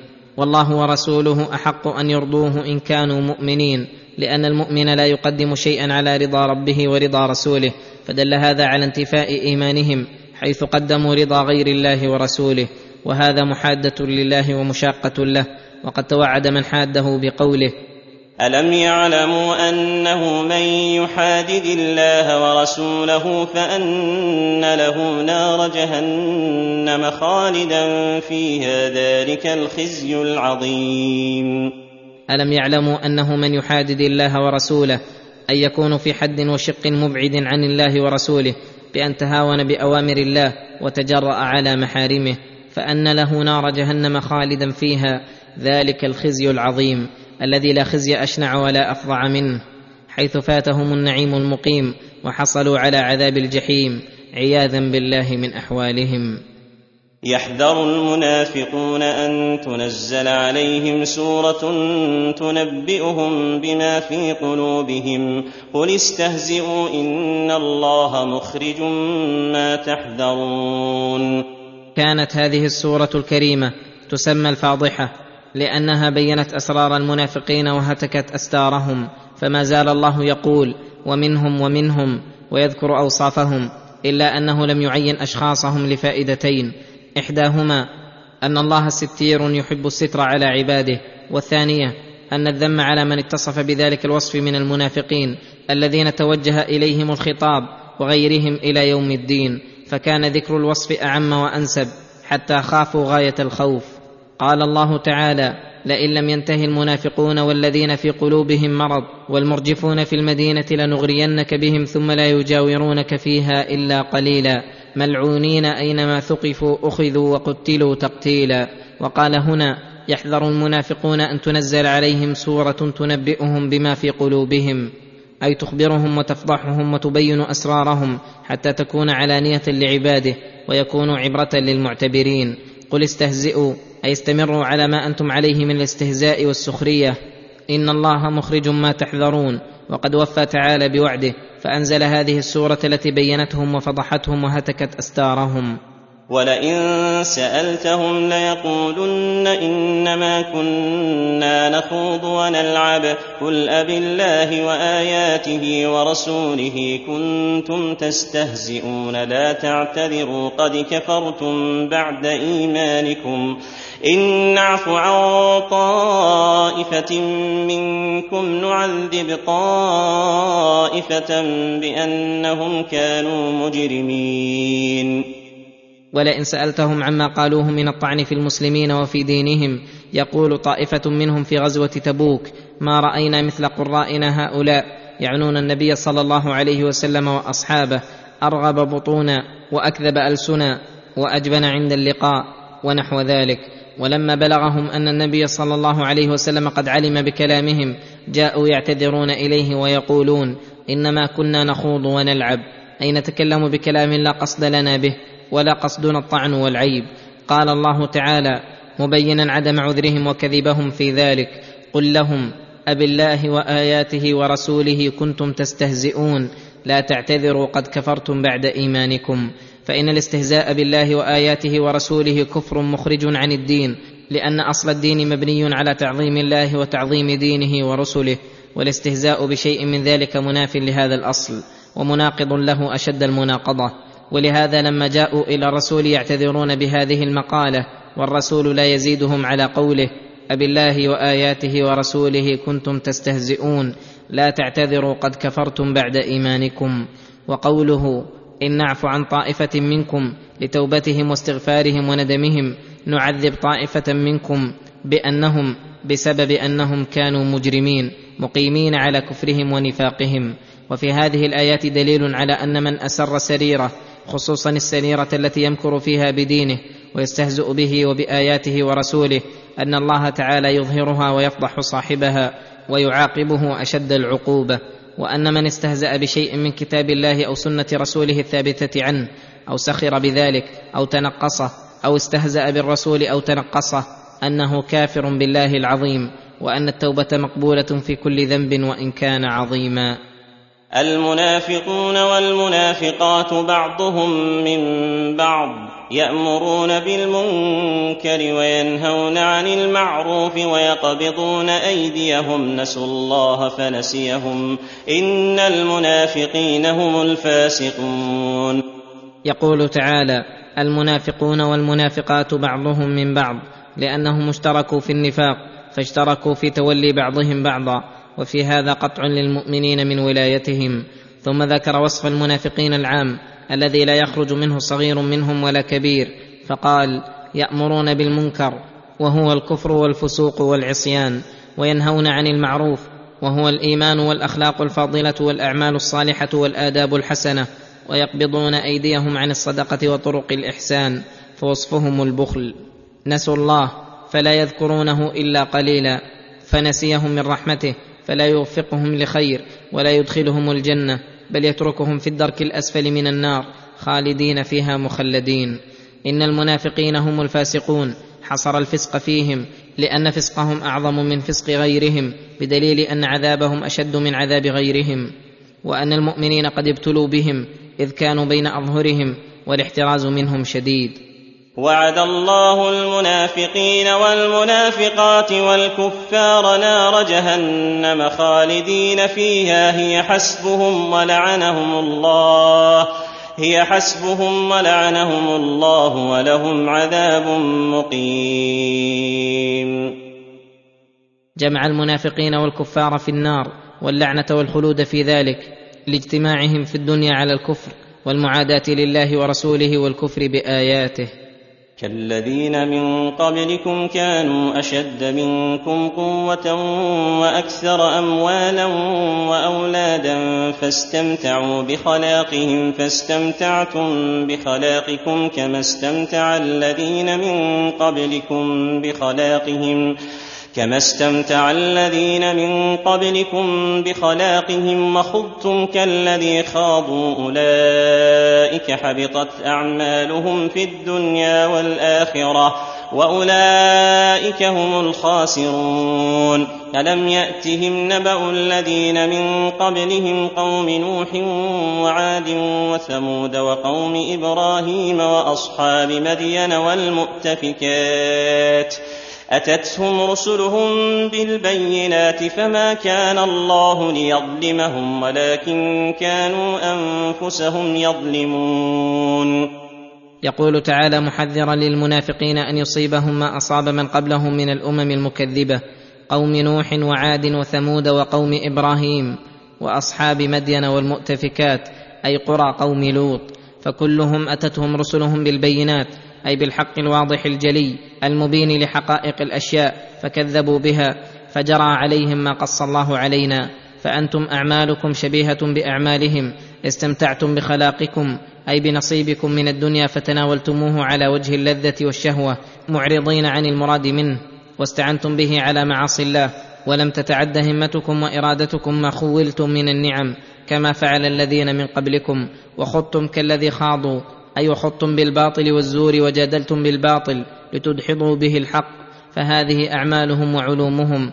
استمتاع بالخلاق وخوض بالباطل فاستحقوا من العقوبة والإهلاك ما استحق من قبلهم من فعلوا كفعلهم.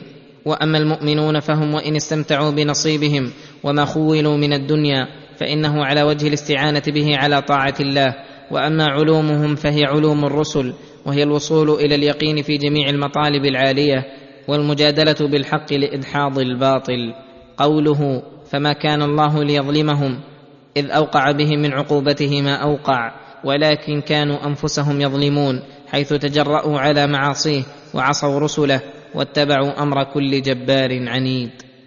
والمؤمنون والمؤمنات بعضهم أولياء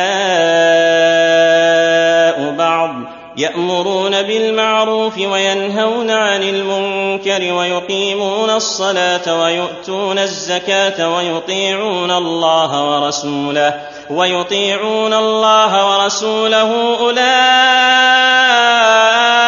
سيرحمهم الله. إن الله عزيز حكيم. لما ذكر أن المنافقين بعضهم أولياء بعض ذكر أن المؤمنين بعضهم أولياء بعض ووصفهم بضد ما وصف به المنافقين فقال والمؤمنون والمؤمنات أي ذكورهم وإناثهم بعضهم أولياء بعض في المحبة والموالاة والانتماء والنصرة يأمرون بالمعروف وهو اسم جامع لكل ما عرف حسنه من العقائد الحسنة والأعمال الصالحة والأخلاق الفاضلة وأول من يدخل في أمرهم أنفسهم وينهون عن المنكر وهو كل ما خالف المعروف وناقضه من العقائد الباطلة والأعمال الخبيثة والأخلاق الرذيلة ويطيعون الله ورسوله أي لا يزالون ملازمين لطاعة الله ورسوله على الدوام. أولئك سيرحمهم الله أي يدخلهم في رحمته ويشملهم بإحسانه. إن الله عزيز حكيم أي قوي قاهر ومع قوته فهو حكيم. يضع كل شيء موضعه اللائق به الذي يحمد على ما خلقه وأمر به. ثم ذكر ما أعد الله له من الثواب فقال وعد الله المؤمنين والمؤمنات جنات تجري جنات تجري من تحتها الأنهار خالدين فيها ومساكن ومساكن طيبة في جنات عدن ورضوان. ورضوان من الله أكبر. ذلك هو الفوز العظيم. وعد الله المؤمنين والمؤمنات جنات تجري من تحتها الأنهار جامعة لكل نعيم وفرح خالية من كل أذى وترح تجري من تحت قصورها ودورها وأشجارها الأنهار الغزيرة المروية للبساتين الأنيقة التي لا يعلم ما فيها من الخيرات والبركات إلا الله تعالى. خالدين فيها لا يبغون عنها حولا. ومساكن طيبة في جنات عدن. قد زخرفت وحسنت وأعدت لعباد الله المتقين. قد طاب مرآها وطاب منزلها ومقيلها. وجمعت من آلات المساكن العالية ما لا يتمنى فوقه المتمنون. حتى إن الله تعالى قد أعد لهم غرفا في غاية الصفاء والحسن. يرى ظاهرها من باطنها وباطنها من ظاهرها. فهذه المساكن الأنيقة التي حقيق بأن تسكن إليها النفوس وتنزع إليها القلوب وتشتاق لها الأرواح لأنها في جنات عدن أي إقامة لا يضعنون عنها ولا يتحولون منها. ورضوان من الله يحله على أهل الجنة أكبر مما هم فيه من النعيم. فإن نعيمهم لم يطب إلا برؤية ربهم ورضوانه عليهم ولأنه الغاية التي أمها العابدون والنهاية التي سعى نحوها المحبون. فرضا رب الأرض والسماوات أكبر من نعيم الجنات. ذلك هو الفوز العظيم حيث حصلوا على كل مطلوب وانتفى عنهم كل محذور وحسنت وطابت منهم جميع الأمور. فنسأل الله أن يجعلنا معهم بجوده. يا أيها النبي جاهد الكفار والمنافقين واغلظ عليهم ومأواهم جهنم وبئس المصير. يقول تعالى لنبيه صلى الله عليه وسلم يا أيها النبي جاهد الكفار والمنافقين أي بالغ في جهادهم والغلظة عليهم حيث اقتضت الحال الغلظة عليهم. وهذا الجهاد يدخل فيه الجهاد باليد والجهاد بالحجة واللسان. فمن بارز منهم بالمحاربة فيجاهد باليد واللسان والسيف والبيان. ومن كان مذعنا للإسلام بذمة أو عهد فإنه يجاهد بالحجة والبرهان ويبين له محاسن الإسلام. ومساوئ الشرك والكفر فهذا ما لهم في الدنيا وأما في الآخرة فمأواهم جهنم أي مقرهم الذي لا يخرجون منها وبئس المصير. يحلفون بالله ما قالوا ولقد قالوا كلمة الكفر وكفروا بعد إسلامهم وهموا بما لم ينالوا وما نقموا إلا أن أغناهم الله ورسوله من فضله. فإن يتوبوا يك خيرا لهم وإن يتولوا يعذبهم الله عذابا أليما في الدنيا والآخرة وما لهم في الأرض من ولي ولا نصير يحلفون بالله ما قالوا ولقد قالوا كلمة الكفر أي إذا قالوا قولا كقول من قال منهم ليخرجن الأعز منها الأذل والكلام الذي يتكلم به الواحد بعد الواحد في الاستهزاء بالدين وبالرسول. فإذا بلغهم أن النبي صلى الله عليه وسلم قد بلغه شيء من ذلك جاءوا إليه يحلفون بالله ما قالوا. قال تعالى مكذبا لهم ولقد قالوا كلمة الكفر وكفروا بعد إسلامهم. فإسلامهم السابق وإن كان ظاهره أنه أخرجهم من دائرة الكفر فكلامهم الأخير ينقض إسلامهم. ويدخلهم بالكفر وهموا بما لم ينالوا وذلك حين هموا بالفتك برسول الله صلى الله عليه وسلم في غزوة تبوك فقص الله عليه نبأهم فأمر من يصدهم عن قصدهم. والحال أنهم ما نقموا وعابوا من رسول الله صلى الله عليه وسلم إلا أن أغناهم الله ورسوله من فضله بعد أن كانوا فقراء معوزين. وهذا من أعجب الأشياء أن يستهينوا بمن كان سببا لاخراجهم من الظلمات إلى النور ومغنيا لهم بعد الفقر وهل حقه عليهم إلا أن يعظموه ويؤمنوا به ويجلوه. فاجتمع الداعي الديني وداعي المروءة الإنسانية. ثم عرض عليهم التوبة فقال فإن يتوبوا يك خيرا لهم لأن التوبة أصل لسعادة الدنيا والآخرة. وإن يتولوا عن التوبة والإنابة يعذبهم الله عذابا اليما في الدنيا والآخرة. في الدنيا بما ينالهم من الهم والغم والحزن على نصرة الله لدينه. وإعزاز نبيه وعدم حصولهم على مطلوبهم وفي الآخرة في عذاب السعير وما لهم في الأرض من ولي يتولى أمورهم ويحصل لهم المطلوب ولا نصير يدفع عنهم المكروه. وإذا انقطعوا من ولاية الله تعالى فثم أصناف الشر والخسران والشقاء والحرمان. ومنهم من عاهد الله لئن آتانا من فضله لنصدقن ولنكونن من الصالحين. أي ومن هؤلاء المنافقين من أعطى الله عهده وميثاقه لئن آتانا من فضله من الدنيا فبسطها لنا ووسعها لنصدقن ولنكونن من الصالحين. فنصل الرحم ونقري الضيف ونعين على نوائب الحق ونفعل الأفعال الحسنة الصالحة. فلما آتاهم من فضله بخلوا به وتولوا وهم معرضون. فلما آتاهم من فضله لم يفوا بما قالوا بل بخلوا به وتولوا عن الطاعة والانقياد وهم معرضون أي غير ملتفتين إلى الخير. فلما لم يفوا بما عاهدوا الله عليه عاقبهم فأعقبهم نفاقا في قلوبهم إلى يوم يلقونه بما أخلفوا الله ما وعدوه بما أخلفوا الله ما وعدوه وبما كانوا يكذبون. فأعقبهم نفاقا في قلوبهم مستمرا إلى يوم يلقونه بما أخلفوا الله ما وعدوه وبما كانوا يكذبون. فليحذر المؤمن من هذا الوصف الشنيع أن يعاهد ربه إن حصل مقصوده الفلاني ليفعلن كذا وكذا ثم لا يفي بذلك فإنه ربما عاقبه الله بالنفاق كما عاقب هؤلاء. وقد قال النبي صلى الله عليه وسلم في الحديث الثابت في الصحيحين آية المنافق ثلاث إذا حدث كذب وإذا عاهد غدر وإذا وعد أخلف. فهذا المنافق الذي وعد الله وعاهده لئن أعطاه الله من فضله ليصدقن ولا يكونن من الصالحين. حدث فكذب وعاهد فغدر ووعد فأخلف. ولهذا توعد من صدر منهم هذا الصنيع بقوله ألم يعلموا أن الله يعلم سرهم ونجواهم وأن الله علام الغيوب؟ ألم يعلموا أن الله يعلم سرهم ونجواهم وأن الله علام الغيوب؟ وسيجازيهم على ما عملوا من الأعمال التي يعلمها الله تعالى. وهذه الآيات نزلت في رجل من المنافقين يقال له ثعلبة. جاء إلى النبي صلى الله عليه وسلم وسأله أن يدعو الله له أن يعطيه الله من فضله وأنه إن أعطاه ليتصدقن. ويصل الرحم ويعين على النوائب. فدعا له النبي صلى الله عليه وسلم فكان له غنم فلم تزل تتنامى حتى خرج بها عن المدينة.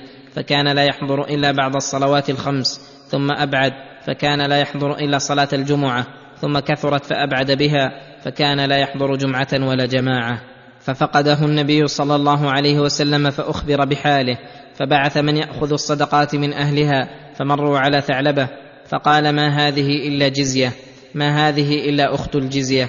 فلما لم يعطهم جاءوا فأخبروا بذلك النبي صلى الله عليه وسلم فقال يا ويح ثعلبة يا ويح ثعلبة ثلاثا فلما نزلت هذه الآية فيه وفي أمثاله ذهب بها بعض أهله فبلغه إياها فجاء بزكاته فلم يقبلها النبي صلى الله عليه وسلم ثم جاء بها لأبي بكر بعد وفاة النبي صلى الله عليه وسلم فلم يقبلها ثم جاء بها بعد أبي بكر لعمر فلم يقبلها فيقال إنه هلك في زمن عثمان. الذين يلمزون المطوعين من المؤمنين في الصدقات والذين لا يجدون إلا جهدهم فيسخرون منهم والذين لا يجدون إلا جهدهم فيسخرون منهم سخر الله منهم ولهم عذاب أليم. وهذا أيضا من مخازي المنافقين فكانوا قبحهم الله لا يدعون شيئا من أمور الإسلام والمسلمين يرون لهم مقالا إلا قالوا وطعنوا بغيا وعدوانا. فلما حث الله ورسوله على الصدقة بادر المسلمون إلى ذلك وبذلوا من أموالهم كل على حسب حاله منهم المكثر ومنهم المقل فيلمزون المكثر منهم بأن قصده بنفقته الرياء والسمعة وقالوا للمقل الفقير إن الله غني عن صدقة هذا فأنزل الله تعالى الذين يلمزون أي يعيبون ويطعنون المطوعين من المؤمنين في الصدقات فيقولون مراؤون قصدهم الفخر والرياء ويلمزون الذين لا يجدون إلا جهدهم فيخرجون ما استطاعوا ويقولون الله غني عن صدقاتهم فيسخرون منهم فقابلهم الله على صنيعهم بأن سخر الله منهم ولهم عذاب أليم فإنهم جمعوا في كلامهم هذا بين عدة محاذير منها تتبعهم لأحوال المؤمنين وحرصهم على أن يجدوا مقالا يقولونه فيهم والله يقول إن الذين يحبون أن تشيع الفاحشة في الذين آمنوا لهم عذاب أليم ومنها طعنهم بالمؤمنين لأجل إيمانهم كفر بالله تعالى وبغض للدين. ومنها أن اللمز محرم بل هو من كبائر الذنوب في أمور الدنيا. وأما اللمز في أمر الطاعة فأقبح وأقبح. ومنها أن من أطاع الله تعالى وتطوع بخصلة من خصال الخير فإن الذي ينبغي هو إعانته وتنشيطه على عمله. وهؤلاء قصدوا تثبيطهم بما قالوا فيهم وعابوهم عليه. ومنها أن حكمهم على من أنفق مالا كثيرا بأنه مراء غلط فاحش. وحكم على الغيب ورجم بالظن وأي شر أكبر من هذا. ومنها أن قولهم لصاحب الصدقة القليلة الله غني عن صدقة هذا كلام مقصوده باطل فإن الله غني عن صدقة المتصدق بالقليل والكثير بل وغني عن أهل السماوات والأرض ولكنه تعالى أمر العباد بما هم مفتقرون إليه فالله وإن كان غني عنهم فهم فقراء إليه فمن يعمل مثقال ذرة خيرا يره. وفي هذا القول من التثبيط عن الخير ما هو ظاهر بين ولهذا كان جزاؤهم أن سخر الله منهم ولهم عذاب أليم. استغفر لهم أو لا تستغفر لهم إن تستغفر لهم سبعين مرة فلن يغفر الله لهم. ذلك بأنهم كفروا بالله ورسوله والله لا يهدي القوم الفاسقين. استغفر لهم أو لا تستغفر لهم. إن تستغفر لهم سبعين مرة على وجه المبالغة وإلا فلا مفهوم له. فلن يغفر الله لهم كما قال في الآية الأخرى سواء عليهم أستغفرت لهم أم لم تستغفر لهم لن يغفر الله لهم. ثم ذكر السبب المانع لمغفرة الله لهم فقال ذلك بأنهم كفروا بالله ورسوله والكافر لا ينفعه الاستغفار ولا العمل ما دام كافرا. والله لا يهدي القوم الفاسقين. أي الذين صار الفسق لهم وصفا بحيث لا يختارون عليه سواه ولا يبغون به بدلا. يأتيهم الحق الواضح فيردونه فيعاقبهم الله تعالى بألا يوفقهم له بعد ذلك. فرح المخلفون بمقعدهم خلاف رسول الله وكرهوا أن يجاهدوا بأموالهم وأنفسهم في سبيل الله وقالوا وقالوا لا تنفروا في الحر. قل نار جهنم أشد حرا لو كانوا يفقهون.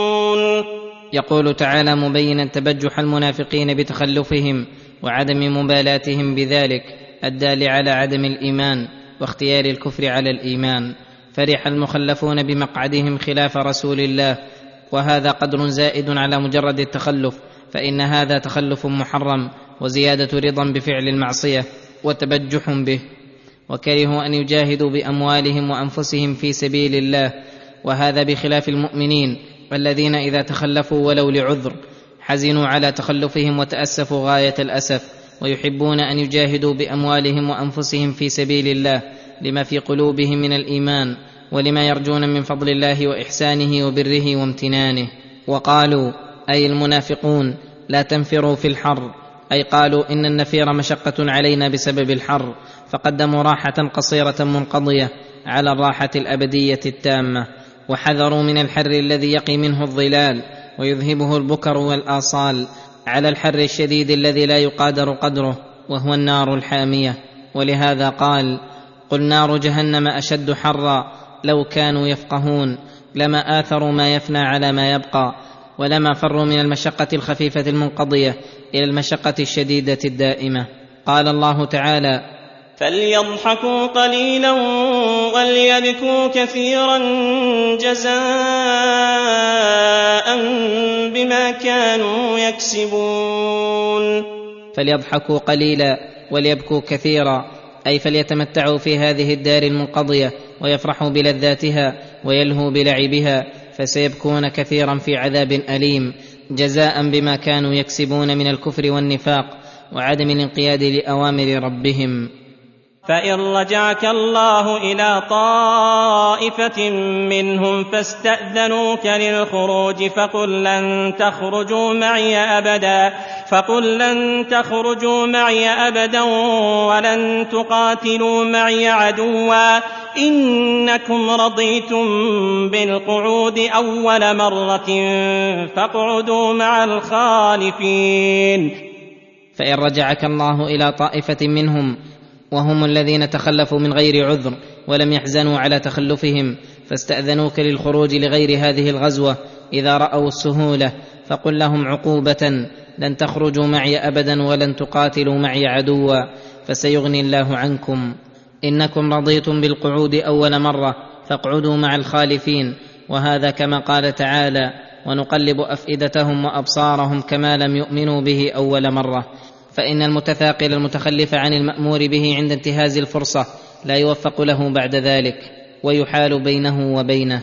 وفيه أيضا تعزير لهم فإنه إذا تقرر عند المسلمين أن هؤلاء من الممنوعين من الخروج إلى الجهاد لمعصيتهم كان ذلك توبيخا لهم وعارا عليهم ونكالا أن يفعل أحد كفعلهم.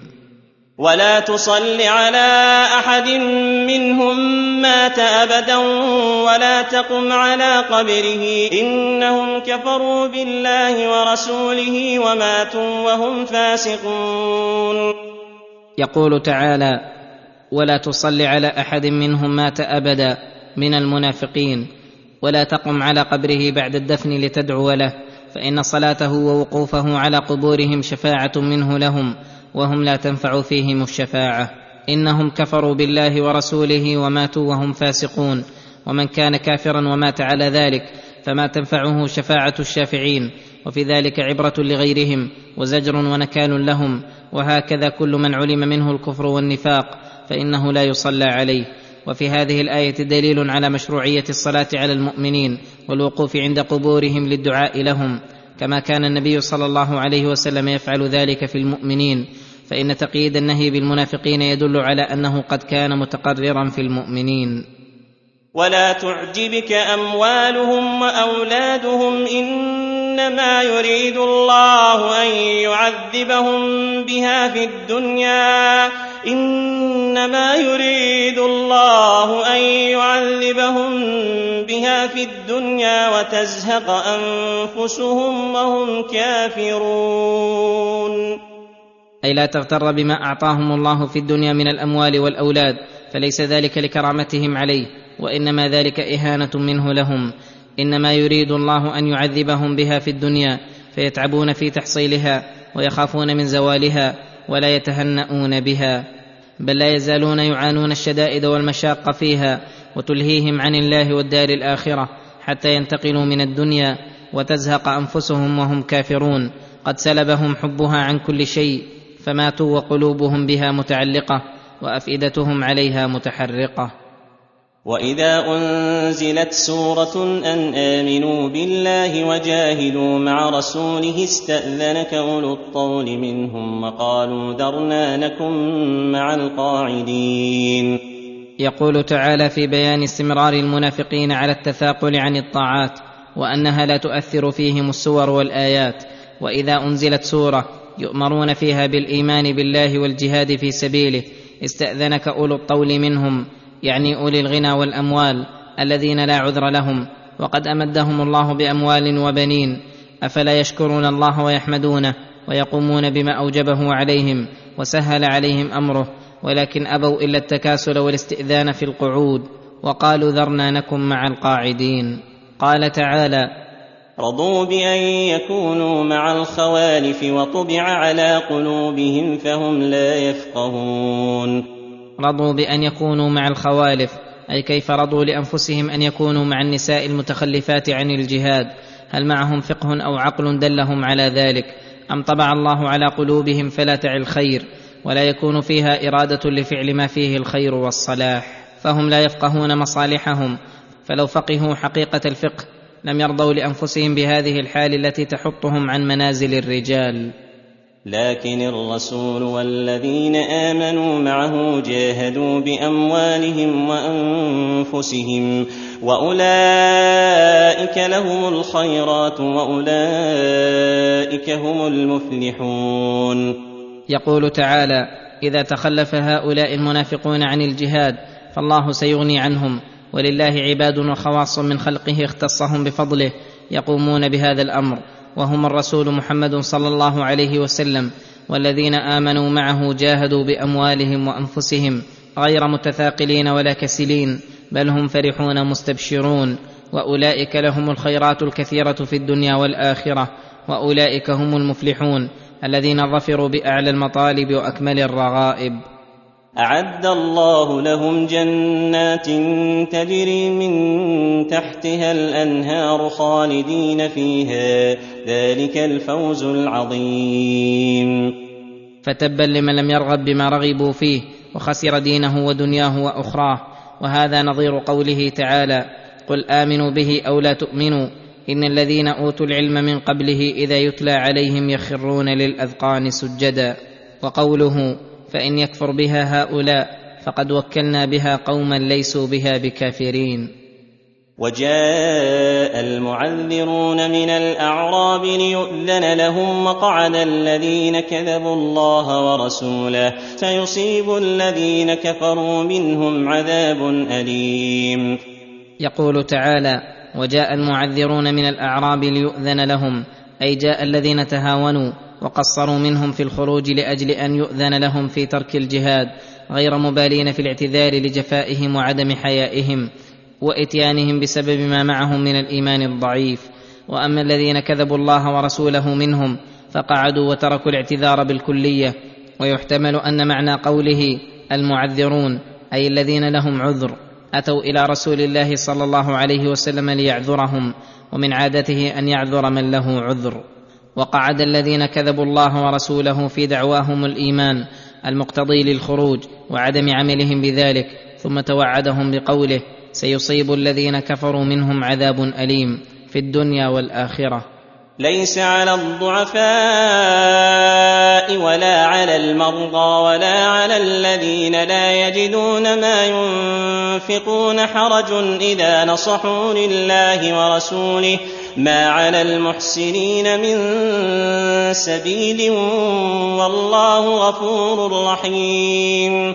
لما ذكر المعتذرين وكانوا على قسمين قسم معذور في الشرع وقسم غير معذور ذكر ذلك بقوله ليس على الضعفاء في أبدانهم وأبصارهم الذين لا قوة لهم على الخروج والقتال ولا على المرضى وهذا شامل لجميع أنواع المرض الذي لا يقدر صاحبه معه على الخروج والجهاد من عرج وعمى وحمى وذات الجنب والفالج وغير ذلك. ولا على الذين لا يجدون ما ينفقون أي لا يجدون زادا ولا راحلة يتبلغون بها في سفرهم فهؤلاء ليس عليهم حرج بشرط أن ينصحوا لله ورسوله بأن يكونوا صادق الإيمان وأن يكون من نيتهم وعزمهم أنهم لو قدروا لجاهدوا.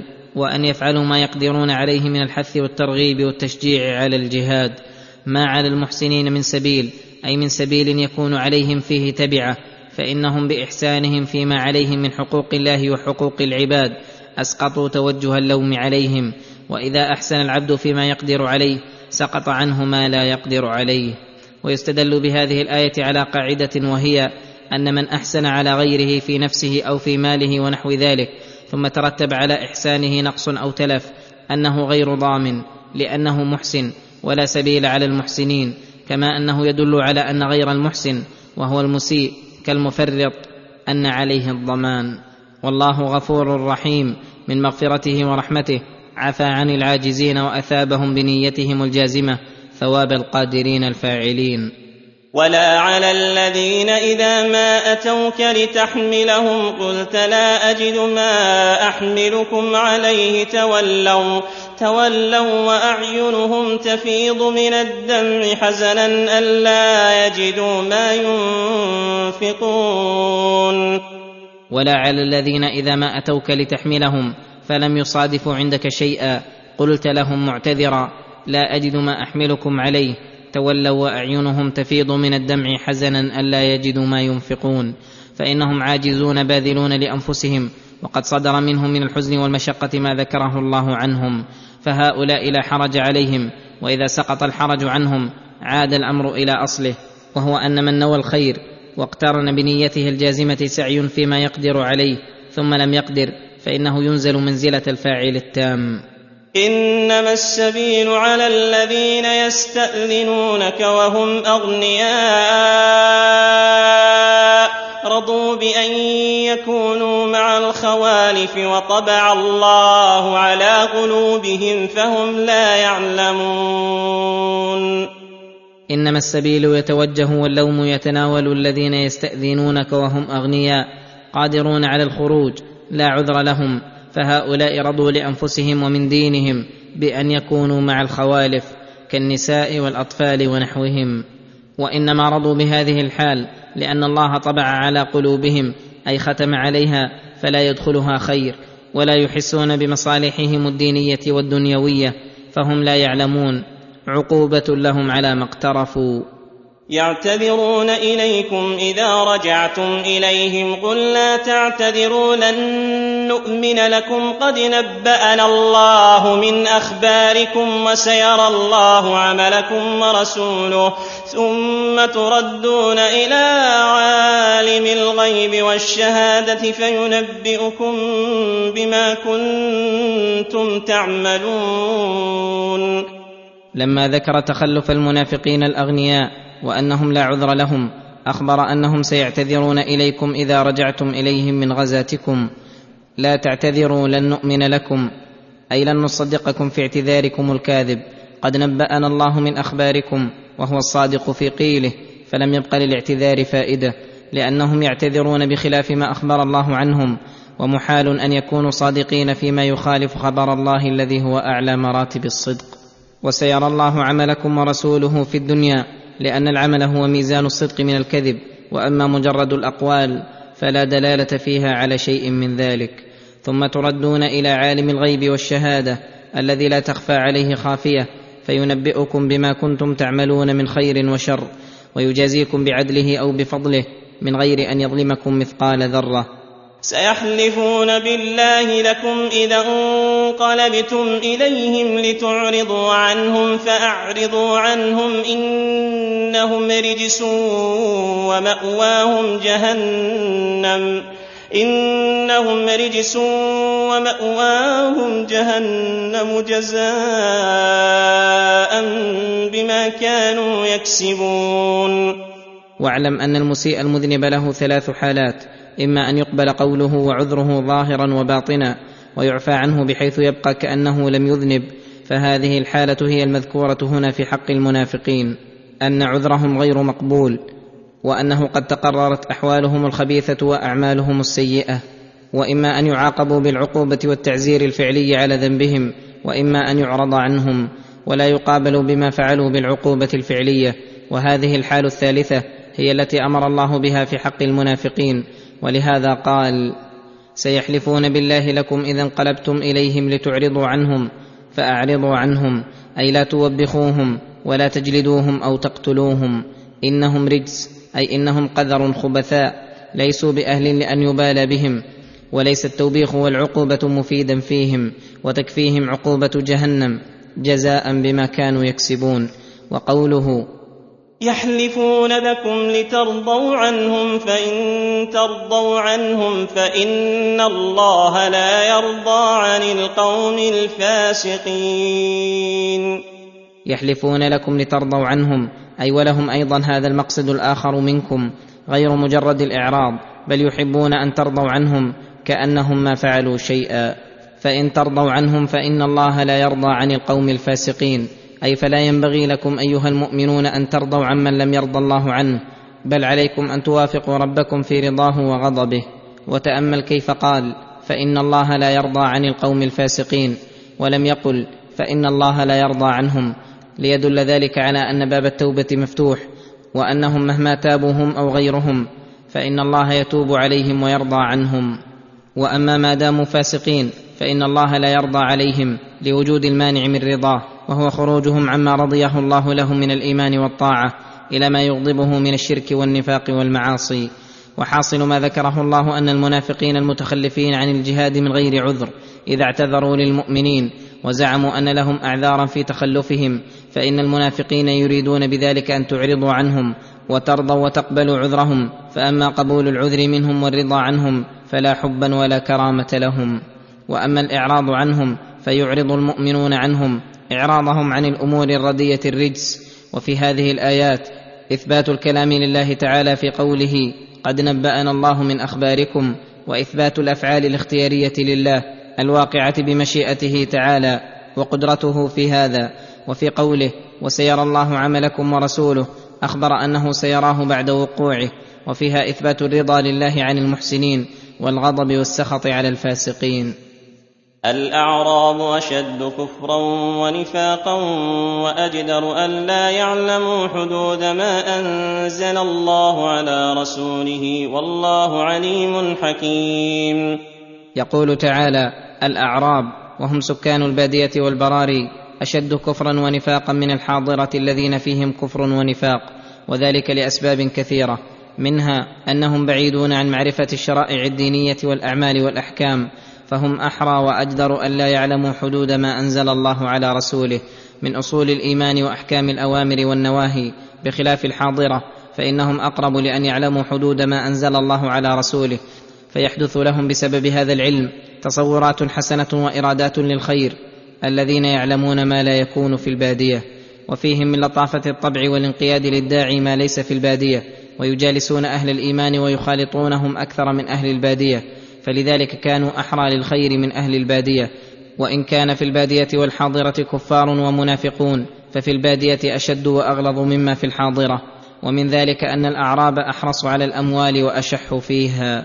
ومن الأعراب من يتخذ ما ينفق مغرما ويتربص بكم الدوائر عليهم دائرة السوء والله سميع عليم. فمنهم من يتخذ ما ينفق من الزكاة والنفقة في سبيل الله وغير ذلك مغرما أن يراها خسارة ونقصا لا يحتسب فيها ولا يريد بها وجه الله ولا يكاد يؤديها إلا كرها. ويتربص بكم الدوائر أي من عداوتهم للمؤمنين وبغضهم لهم أنهم يودون وينتظرون فيهم دوائر الدهر وفجائع الزمان وهذا سينعكس عليهم فعليهم دائرة السوء. وأما المؤمنون فلهم الدائرة الحسنة على أعدائهم ولهم العقبى الحسنة والله سميع عليم يعلم نيات العباد وما صدرت عنه الأعمال من إخلاص وغيره وليس الأعراب كلهم مذمومين. ومن الأعراب من يؤمن بالله واليوم الآخر ويتخذ ما ينفق قربات عند الله وصلوات الرسول. ألا إنها قربة لهم سيدخلهم الله في رحمته إن الله غفور رحيم. بل منهم من يؤمن بالله واليوم الآخر فيسلم بذلك من الكفر والنفاق ويعمل بمقتضى الإيمان ويتخذ ما ينفق قربات عند الله أي يحتسب نفقته ويقصد بها وجه الله تعالى والقرب منه. ويجعلها وسيلة لصلوات الرسول أي دعائه لهم وتبريكه عليهم. قال تعالى مبينا لنفع صلوات الرسول ألا إنها قربة لهم تقربهم إلى الله وتنمي أموالهم وتحل فيها البركة. سيدخلهم الله في رحمته في جملة عباده الصالحين إنه غفور رحيم. فيغفر السيئات العظيمة لمن تاب إليه ويعم عباده برحمته التي وسعت كل شيء. ويخص عباده المؤمنين برحمة يوفقهم فيها إلى الخيرات ويحميهم فيها من المخالفات ويجزل لهم فيها أنواع المثوبات. وفي هذه الآية دليل على أن الأعراب كأهل الحاضرة منهم الممدوح ومنهم المذموم فلم يذمهم الله على مجرد تعربهم وباديتهم إنما ذمهم على ترك أوامر الله وأنهم في مظنة ذلك. ومنها أن الكفر والنفاق يزيد وينقص ويغلظ ويخف بحسب الأحوال. ومنها فضيلة العلم وأن فاقده أقرب إلى الشر ممن يعرفه لأن الله ذم الأعراب وأخبر أنهم أشد كفرا ونفاقا وذكر السبب الموجب لذلك وأنهم اجدروا الا يعلموا حدود ما أنزل الله على رسوله. ومنها أن العلم النافع الذي هو أنفع العلوم معرفة حدود ما أنزل الله على رسوله من أصول الدين وفروعه كمعرفة حدود الإيمان والإسلام والإحسان والتقوى والفلاح والطاعة والبر والصلة والإحسان والكفر والنفاق والفسوق والعصيان والزنا والخمر والربا ونحو ذلك فإن في معرفتها يتمكن من فعلها إن كانت مأمورا بها أو تركها إن كانت محظورة ومن الأمر بها أو النهي عنها. ومنها أنه ينبغي للمؤمن أن يؤدي ما عليه من الحقوق منشرح الصدر مطمئن النفس ويحرص أن تكون مغنما ولا تكون مغرما. والسابقون الأولون من المهاجرين والأنصار والذين اتبعوهم بإحسان والذين اتبعوهم بإحسان رضي الله عنهم ورضوا عنه وأعد لهم جنات. وأعد لهم جنات تجري تحتها الأنهار خالدين فيها أبدا. ذلك الفوز العظيم. السابقون هم الذين سبقوا هذه الأمة وبدروها إلى الإيمان والهجرة والجهاد وإقامة دين الله. من المهاجرين الذين أخرجوا من ديارهم وأموالهم يبتغون فضلا من الله ورضوانا وينصرون الله ورسوله. أولئك هم الصادقون. ومن الأنصار الذين تبوأوا الدار والإيمان من قبلهم يحبون من هاجر إليهم ولا يجدون في صدورهم حاجة مما أوتوا ويؤثرون على أنفسهم ولو كان بهم خصاصة. والذين اتبعوهم بإحسان بالاعتقادات والأقوال والأعمال فهؤلاء هم الذين سلموا من الذم وحصل لهم أفضل الكرامات من الله. رضي الله عنهم ورضاه تعالى أكبر من نعيم الجنة ورضوا عنه. وأعد لهم جنات تجري تحتها الأنهار الجارية التي تساق إلى سقي الجنان والحدائق الزاهية الزاهرة والرياض الناضره خالدين فيها أبدا لا يبغون عنها حولا ولا يطلبون منها بدلا لأنهم مهما تمنوه أدركوه ومهما أرادوه وجدوه ذلك الفوز العظيم الذي حصل لهم فيه كل محبوب للنفوس ولذة للأرواح ونعيم للقلوب وشهوة للأبدان واندفع عنهم كل محذور.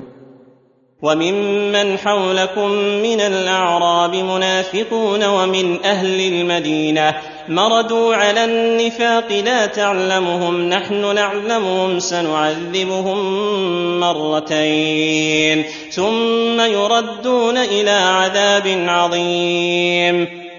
يقول تعالى وممن حولكم من الأعراب منافقون ومن أهل المدينة أيضا منافقون. مردوا على النفاق أي تمرنوا عليه واستمروا وازدادوا فيه طغيانا. لا تعلمهم بأعيانهم فتعاقبهم أو تعاملهم بمقتضى نفاقهم. لما لله في ذلك من الحكمة الباهرة. نحن نعلمهم سنعذبهم مرتين. يحتمل أن التثنية على بابها وأن عذابهم عذاب في الدنيا وعذاب في الآخرة. ففي الدنيا ما ينالهم من الهم والحزن والكراهة لما يصيب المؤمنين من الفتح والنصر. وفي الآخرة عذاب النار وبئس القرار. ويحتمل أن المراد سنغلظ عليهم العذاب ونضاعفه عليهم ونكرره. وآخرون اعترفوا بذنوبهم خلطوا عملا صالحا وآخر سيئا. عسى الله أن يتوب عليهم.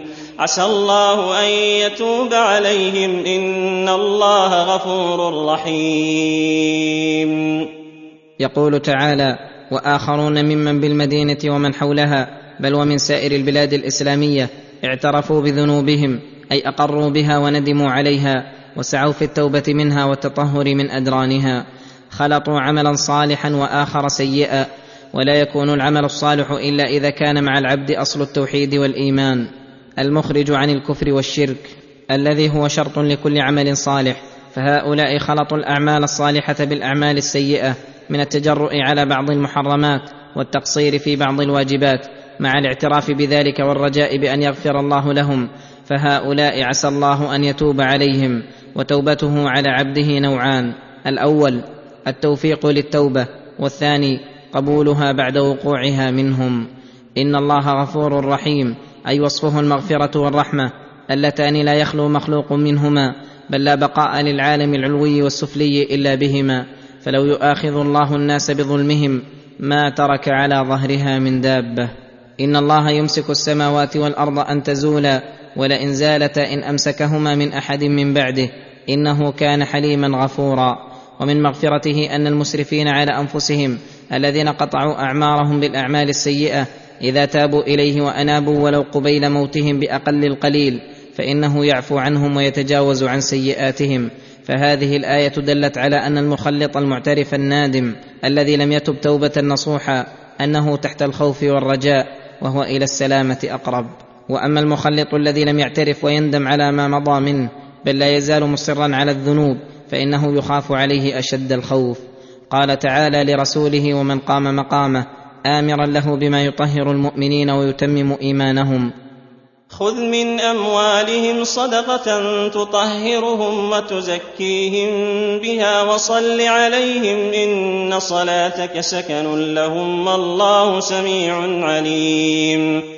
خذ من اموالهم صدقه وهي الزكاه المفروضه تطهرهم وتزكيهم بها أي تطهرهم من الذنوب والاخلاق الرذيله وتزكيهم أي تنميهم وتزيد في اخلاقهم الحسنه واعمالهم الصالحه وتزيد في ثوابهم الدنيوي والأخروي وتنمي أموالهم. وصل عليهم اي ادع لهم أي للمؤمنين عموما خصوصا عندما يدفعون إليك زكاة أموالهم. إن صلاتك سكن لهم أي طمأنينة لقلوبهم واستبشار لهم. والله سميع لدعائك سمع إجابة وقبول. عليم بأحوال العباد ونياتهم فيجازي كل عامل بعمله وعلى قدر نيته. فكان النبي صلى الله عليه وسلم يمتثل لأمر ربه ويأمرهم بالصدقة ويبعث عماله لجبايتها فإذا أتاه أحد بصدقته دعا له وبرك. ففي هذه الآية دلالة على وجوب الزكاة في جميع الأموال وهذا إذا كانت للتجارة ظاهرة فإنها أموال تنمى ويكتسب بها. فمن العدل أن يواسى منها الفقراء بأداء ما أوجب الله فيها من الزكاة وما عدا أموال التجارة فإن كان المال ينمى كالحبوب والثمار والماشية المتخذة للنماء والدر والنسل فإنها تجب فيها الزكاة وإلا لم تجب فيها لأنها إذا كانت للقنية لم تكن بمنزلة الأموال التي يتخذها الإنسان في العادة مالا يتمول ويطلب منه المقاصد المالية وإنما صرف عن المالية بالقنية ونحوها. وفيها أن العبد لا يمكنه أن يتطهر ويتزكى حتى يخرج زكاة ماله وأنه لا يكفرها شيء سوى أدائها. لأن الزكاة والتطهير متوقف على إخراجها وفيها استحباب الدعاء من الإمام أو نائبه لمن أدى زكاته بالبركة وأن ذلك ينبغي أن يكون جهرا بحيث يسمعه المتصدق فيسكن إليه. ويؤخذ من المعنى أنه ينبغي إدخال السرور على المؤمن بالكلام اللين والدعاء له ونحو ذلك مما يكون فيه طمأنينة وسكون لقلبه.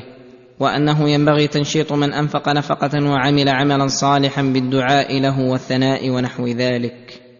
ألم يعلموا أن الله هو يقبل التوبة عن عباده ويأخذ الصدقات؟ ألم يعلموا أن الله هو يقبل التوبة عن عباده ويأخذ الصدقات؟ وأن الله هو التواب الرحيم. أي أما علموا سعة رحمة الله وعموم كرمه وأنه يقبل التوبة عن عباده التائبين من أي ذنب كان. بل يفرح تعالى بتوبة عبده إذا تاب أعظم فرح يقدر. ويأخذ الصدقات منهم ان يقبلها ويأخذها بيمينه فيربيها لأحدهم كما يربي الرجل فلوه حتى تكون التمرة الواحدة كالجبل العظيم. فكيف بما هو أكبر وأكثر من ذلك؟ وأن الله هو التواب أي كثير التوبة على التائبين فمن تاب إليه تاب عليه ولو تكررت منه المعصية مرارا. ولا يمل الله من التوبة على عباده حتى يملوا هم ويأبوا إلا النفار والشرود عن بابه وموالاتهم عدوهم. الرحيم الذي وسعت رحمته كل شيء وكتبها للذين يتقون ويؤتون الزكاة ويؤمنون بآياته ويتبعون رسوله. وقل اعملوا فسيرى الله عملكم ورسوله والمؤمنون وستردون إلى عالم الغيب والشهادة فينبئكم بما كنتم تعملون. يقول تعالى وقل لهؤلاء المنافقين اعملوا ما ترون من الأعمال واستمروا على باطلكم فلا تحسبوا أن ذلك سيخفى. فسيرى الله عملكم ورسوله والمؤمنون. أي لا بد أن يتبين عملكم ويتضح. وستردون إلى عالم الغيب والشهادة فينبئكم بما كنتم تعملون من خير وشر.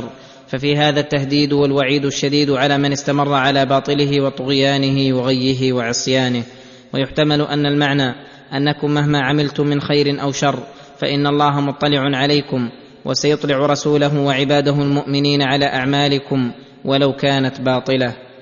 وآخرون مرجون لأمر الله إما يعذبهم وإما يتوب عليهم. والله عليم حكيم. أي وآخرون من المخلفين مؤخرون لأمر الله إما يعذبهم وإما يتوب عليهم. ففي هذا التخويف الشديد للمتخلفين والحث لهم على التوبة والندم. والله عليم بأحوال العباد ونياتهم. حكيم يضع الأشياء مواضعها وينزلها منازلها. فإن اقتضت حكمته أن يغفر لهم ويتوب عليهم غفر لهم وتاب عليهم. وإن اقتضت حكمته أن يخذلهم ولا يوفقهم للتوبة فعل ذلك. والذين اتخذوا مسجدا ضرارا وكفرا وتفريقا بين المؤمنين وإرصادا لمن حارب الله ورسوله من قبل وليحلفن إن أردنا إلا الحسنى والله يشهد إنهم لكاذبون. كان أناس من المنافقين من أهل قباء اتخذوا مسجدا إلى جنب مسجد قباء يريدون به المضارة والمشاقة بين المؤمنين ويعدونه لمن يرجونه من المحاربين لله ورسوله يكون لهم حصنا عند الاحتياج إليه فبين تعالى خزيهم وأظهر سرهم فقال والذين اتخذوا مسجدا ضرارا أي مضارة للمؤمنين ولمسجدهم الذي يجتمعون فيه وكفرا أي قصدهم فيه الكفر إذا قصد غيرهم الإيمان وتفريقا بين المؤمنين أي ليتشعبوا ويتفرقوا ويختلفوا وإرصادا أي اعدادا لمن حارب الله ورسوله من قبل أي إعانة للمحاربين لله ورسوله الذين تقدم حرابهم واشتدت عداوتهم وذلك كأبي عامر الراهب الذي كان من أهل المدينة فلما قدم النبي صلى الله عليه وسلم وهاجر إلى المدينة كفر به وكان متعبدا في الجاهلية فذهب إلى المشركين يستعين بهم على حرب رسول الله صلى الله عليه وسلم. فلما لم يدرك مطلوبه عندهم ذهب إلى قيصر بزعمه أنه ينصره فهلك اللعين في الطريق وكان على وعد وممالأة هو والمنافقون فكان مما أعدوا له مسجد الضرار. فنزل الوحي بذلك فبعث إليه النبي صلى الله عليه وسلم من يهدمه ويحرقه فهدم وحرق وصار بعد ذلك مزبلة. قال تعالى بعدما بين من مقاصدهم الفاسدة في ذلك المسجد وليحلفن إن أردنا في بنائنا إياه إلا الحسنى أي الإحسان إلى الضعيف والعاجز والضرير. والله يشهد إنهم لكاذبون فشهادة الله عليهم أصدق من حلفهم. لا تقم فيه أبدا لمسجد أسس على التقوى من أول يوم أحق أن تقوم فيه. فيه رجال يحبون أن يتطهروا والله يحب المطهرين. لا تقم فيه أبدا أي لا تصلي في ذلك المسجد الذي بني ضرارا أبدا فالله يغنيك عنه ولست بمضطر إليه. لمسجد أسس على التقوى من أول يوم ظهر فيه الإسلام في قباء وهو مسجد قباء أسس على إخلاص الدين لله وإقامة ذكره وشعائر دينه. وكان قديما في هذا عريقا فيه فهذا المسجد الفاضل أحق أن تقوم فيه وتتعبد. وتذكر الله تعالى فهو فاضل وأهله فضلاء. ولهذا مدحهم الله بقوله فيه رجال يحبون أن يتطهروا من الذنوب ويتطهروا من الأوساخ والنجسات والأحداث ومن المعلوم أن من أحب شيئا لا بد أن يسعى له ويجتهد فيما يحب فلا بد أنهم كانوا حريصين على التطهر من الذنوب والأوساخ والأحداث ولهذا كانوا ممن سبق إسلامه وكانوا مقيمين للصلاة محافظين على الجهاد مع رسول الله صلى الله عليه وسلم وإقامة شرائع الدين وممن كانوا يتحرزون من مخالفة الله ورسوله. وسألهم النبي صلى الله عليه وسلم بعدما نزلت هذه الآية في مدحهم عن طهارتهم فأخبروه أنهم يتبعون الحجارة الماء فحمدهم على صنيعهم. والله يحب المطهرين.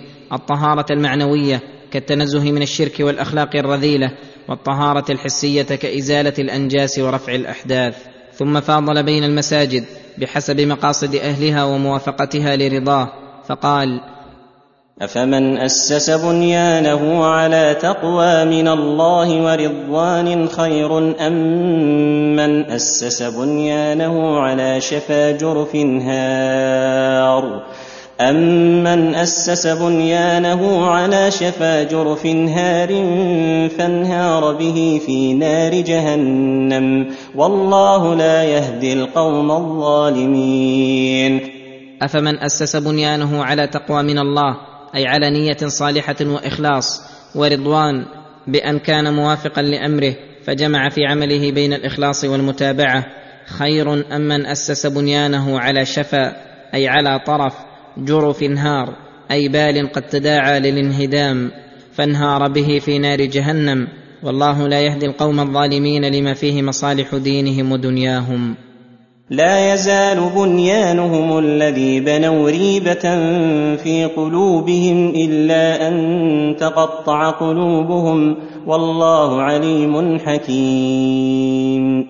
لا يزال بنيانهم الذي بنوا ريبة في قلوبهم أي شكا وريبا ماكثا في قلوبهم إلا أن تقطع قلوبهم بأن يندموا غاية الندم ويتوبوا إلى ربهم ويخافوه غاية الخوف فبذلك يعفو الله عنهم وإلا فبنيانهم لا يزيدهم إلا ريبا إلى ريبهم ونفاقا إلى نفاقهم. والله عليم بجميع الأشياء ظاهرها وباطنها خفيها وجليها وبما أسره العباد وأعلنوه. حكيم لا يفعل ولا يخلق ولا يأمر ولا ينهى إلا ما اقتضته الحكمة وأمر به فلله الحمد. وفي هذه الآيات عدة فوائد. منها أن اتخاذ المسجد الذي يقصد به الضرار لمسجد آخر بقربه أنه محرم وأنه يجب هدم مسجد الضرار الذي اطلع على مقصود أصحابه ومنها أن العمل وإن كان فاضلا تغيره النية فينقلب منهيا عنه كما قلبت نية أصحاب مسجد الضرار عملهم إلى ما ترى ومنها أن كل حالة يحصل بها التفريق بين المؤمنين فإنها من المعاصي التي يتعين تركها وإزالتها كما أن كل حالة يحصل بها جمع المؤمنين وائتلافهم يتعين اتباعها والأمر بها والحث عليها لأن الله علل اتخاذهم لمسجد الضرار بهذا المقصد الموجب للنهي عنه كما يوجب ذلك الكفر والمحاربة لله ورسوله. ومنها النهي عن الصلاة في أماكن المعصية والبعد عنها وعن قربها.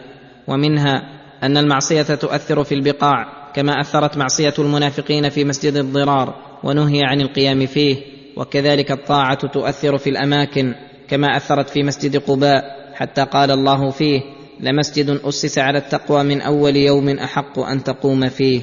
ولهذا كان لمسجد قباء من الفضل ما ليس لغيره حتى كان صلى الله عليه وسلم يزور قباء كل سبت يصلي فيه وحث على الصلاة فيه. ومنها أنه يستفاد من هذه التعاليل المذكورة في الآية أربع قواعد مهمة وهي كل عمل فيه مضارة لمسلم أو فيه معصية لله فإن المعاصي من فروع الكفر أو فيه تفريق بين المؤمنين أو فيه معاونة لمن عاد الله ورسوله فإنه محرم ممنوع منه وعكسه بعكسه.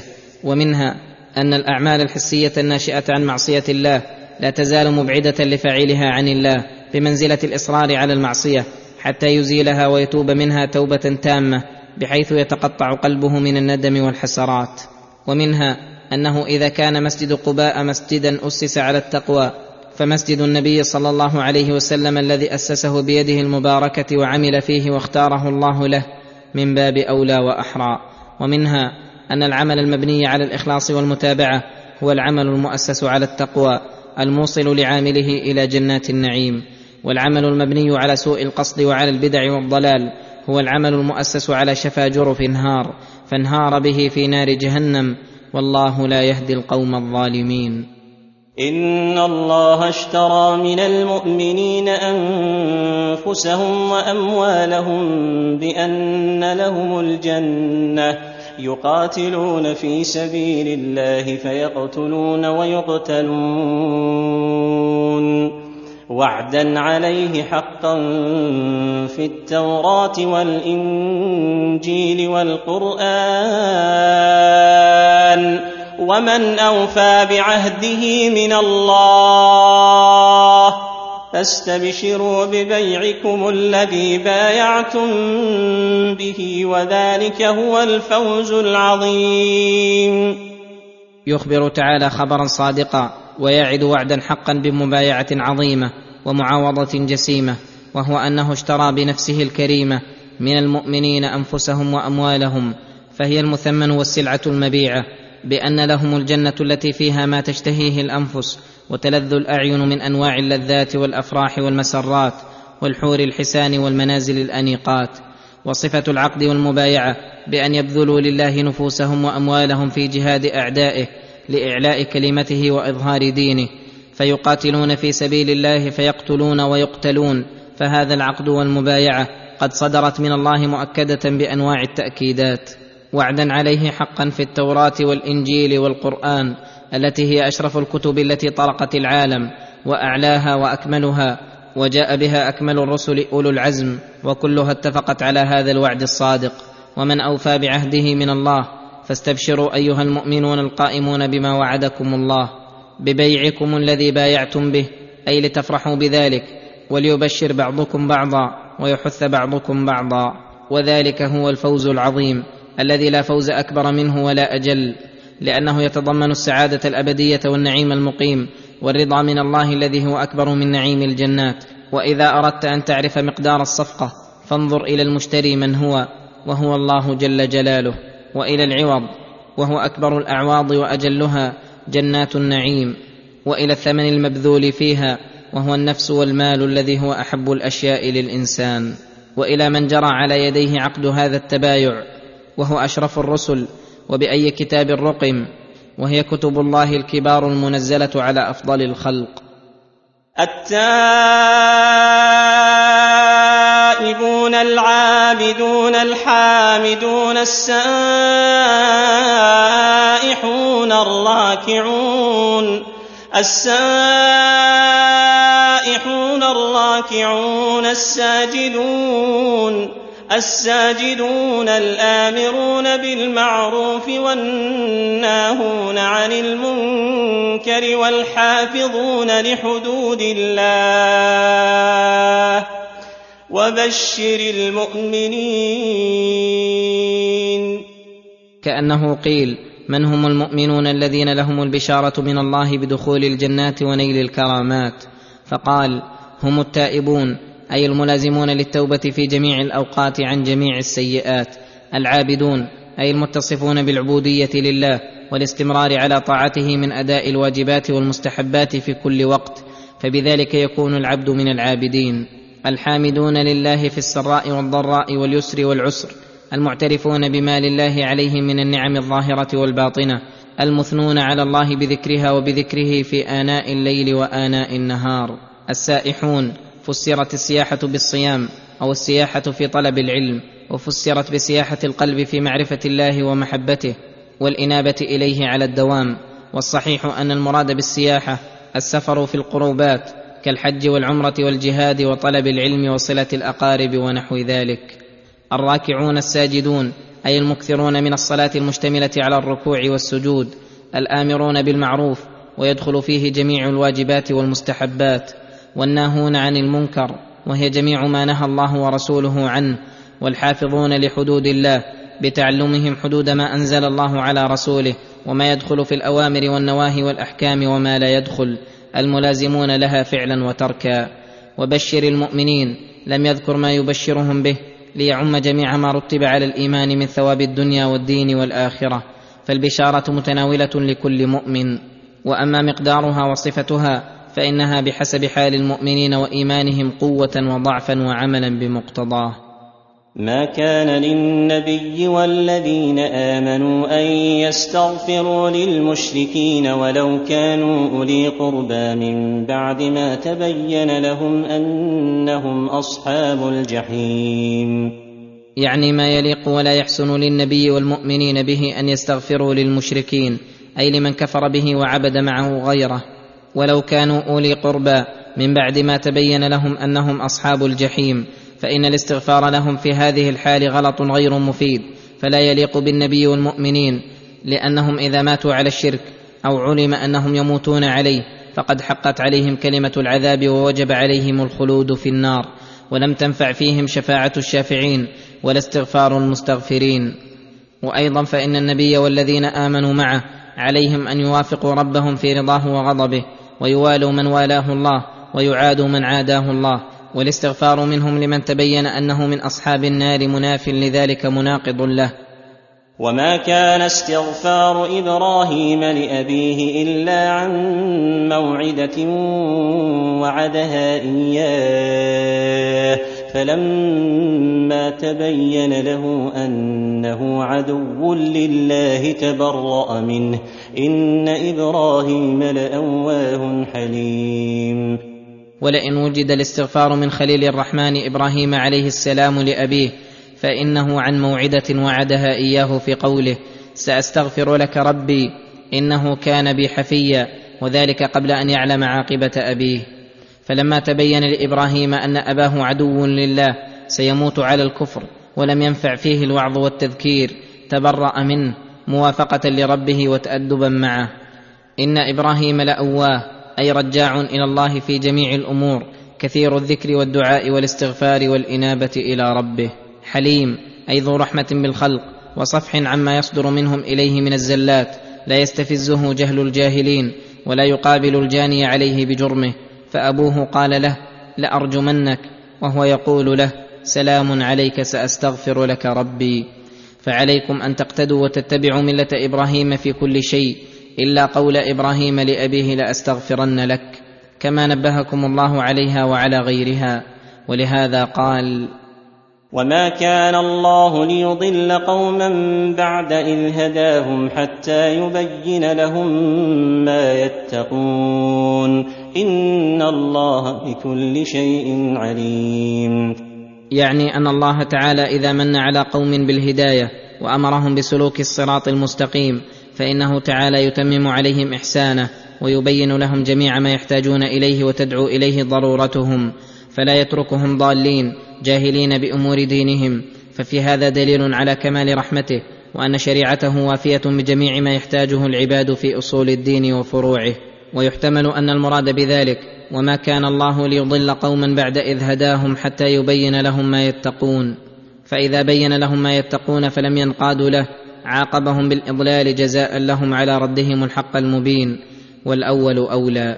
إن الله بكل شيء عليم. فلكمال علمه وعمومه علمكم ما لم تكونوا تعلمون وبين لكم ما به تنتفعون. إن الله له ملك السماوات والأرض يحيي ويميت. وما لكم من دون الله من ولي ولا نصير ان الله له ملك السماوات والارض يحيي ويميت أي هو المالك لذلك المدبر لعباده بالإحياء والإماتة وأنواع التدابير الإلهية. فإذا كان لا يخل بتدبيره القدري فكيف يخل بتدبيره الديني المتعلق بإلهيته؟ ويترك عباده سدى مهملين أو يدعهم ضالين جاهلين وهو أعظم توليه لعباده. فلهذا قال وما لكم من دون الله من ولي ولا نصير. أي ولي يتولاكم يجلب المنافع لكم أو نصير يدفع عنكم المضار. لقد تاب الله على النبي والمهاجرين والأنصار الذين اتبعوه في ساعة العسرة من بعد ما كاد يزيغ قلوب فريق منهم. لقد تاب الله على النبي والمهاجرين والأنصار الذين اتبعوه في ساعة العسرة من بعد ما كاد يزيغ قلوب فريق منهم. ثم تاب عليهم إنه بهم رءوف رحيم. يخبر تعالى أن من لطفه وإحسانه تاب على النبي محمد صلى الله عليه وسلم والمهاجرين والأنصار فغفر لهم الزلات ووفر لهم الحسنات ورقاهم إلى أعلى الدرجات وذلك بسبب قيامهم بالأعمال الصعبة الشاقات.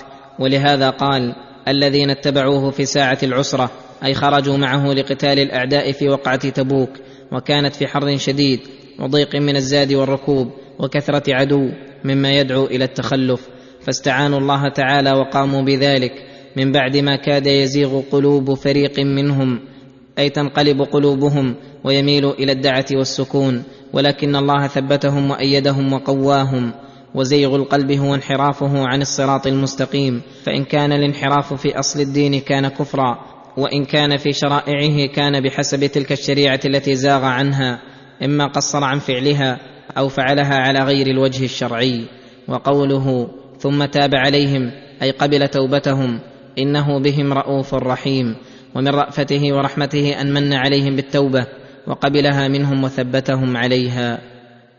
وعلى الثلاثة الذين خلفوا حتى إذا ضاقت عليهم الأرض بما رحبت وضاقت عليهم أنفسهم وظنوا وظنوا أن لا ملجأ من الله إلا إليه.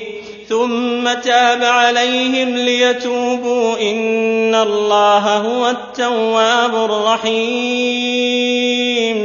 ثم تاب عليهم ليتوبوا. إن الله هو التواب الرحيم. وكذلك لقد تاب الله على الثلاثة الذين خلفوا عن الخروج مع المسلمين في تلك الغزوة وهم كعب بن مالك وصاحباه. وقصتهم مشهورة معروفة في الصحاح والسنن. حتى إذا حزنوا حزنا عظيما وضاقت عليهم الأرض بما رحبت أي على سعتها ورحبها وضاقت عليهم أنفسهم التي هي أحب اليهم من كل شيء فضاق عليهم الفضاء الواسع والمحبوب الذي لم تجر العادة بالضيق منه. وذلك لا يكون إلا من أمر مزعج بلغ من الشدة والمشقة ما لا يمكن التعبير عنه. وذلك لأنهم قدموا رضا الله ورضا رسوله على كل شيء وظنوا أن لا ملجأ من الله إلا إليه أي تيقنوا وعرفوا بحالهم أنه لا ينجي من الشدائد ويلجأ إليه إلا الله وحده لا شريك له فانقطع تعلقهم بالمخلوقين وتعلقوا بالله ربهم وفروا منه إليه فمكثوا بهذه الشدة نحو خمسين ليلة ثم تاب عليهم أي أذن في توبتهم ووفقهم لها ليتوبوا أي لتقع منهم. فيتوب الله عليهم. إن الله هو التواب أي كثير التوبة والعفو والغفران عن الزلات والعصيان الرحيم. وصفه الرحمة العظيمة التي لا تزال تنزل على العباد في كل وقت وحين في جميع اللحظات. ما تقوم به أمورهم الدينية والدنيوية. وفي هذه الآيات دليل على أن توبة الله على العبد أجل الغايات وأعلى النهايات. فإن الله جعلها نهاية خواص عباده وامتن عليهم بها. حين عملوا الأعمال التي يحبها ويرضاها ومنها لطف الله بهم وتثبيتهم في إيمانهم عند الشدائد والنوازل المزعجة ومنها أن العبادة الشاقة على النفس لها فضل ومزية ليست لغيرها وكلما عظمت المشقة عظم الأجر. ومنها أن توبة الله على عبده بحسب ندمه وأسفه الشديد وأن من لا يبالي بالذنب ولا يحرج إذا فعله فإن توبته مدخولة وإن زعم أنها مقبولة.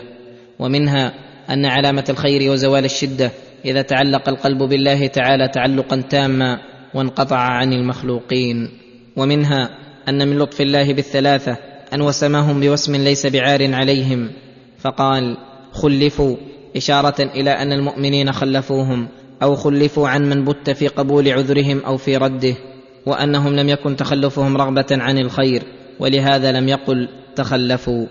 ومنها أن الله تعالى من عليهم بالصدق ولهذا أمر بالاقتداء بهم فقال يا أيها الذين آمنوا اتقوا الله اتقوا الله وكونوا مع الصادقين.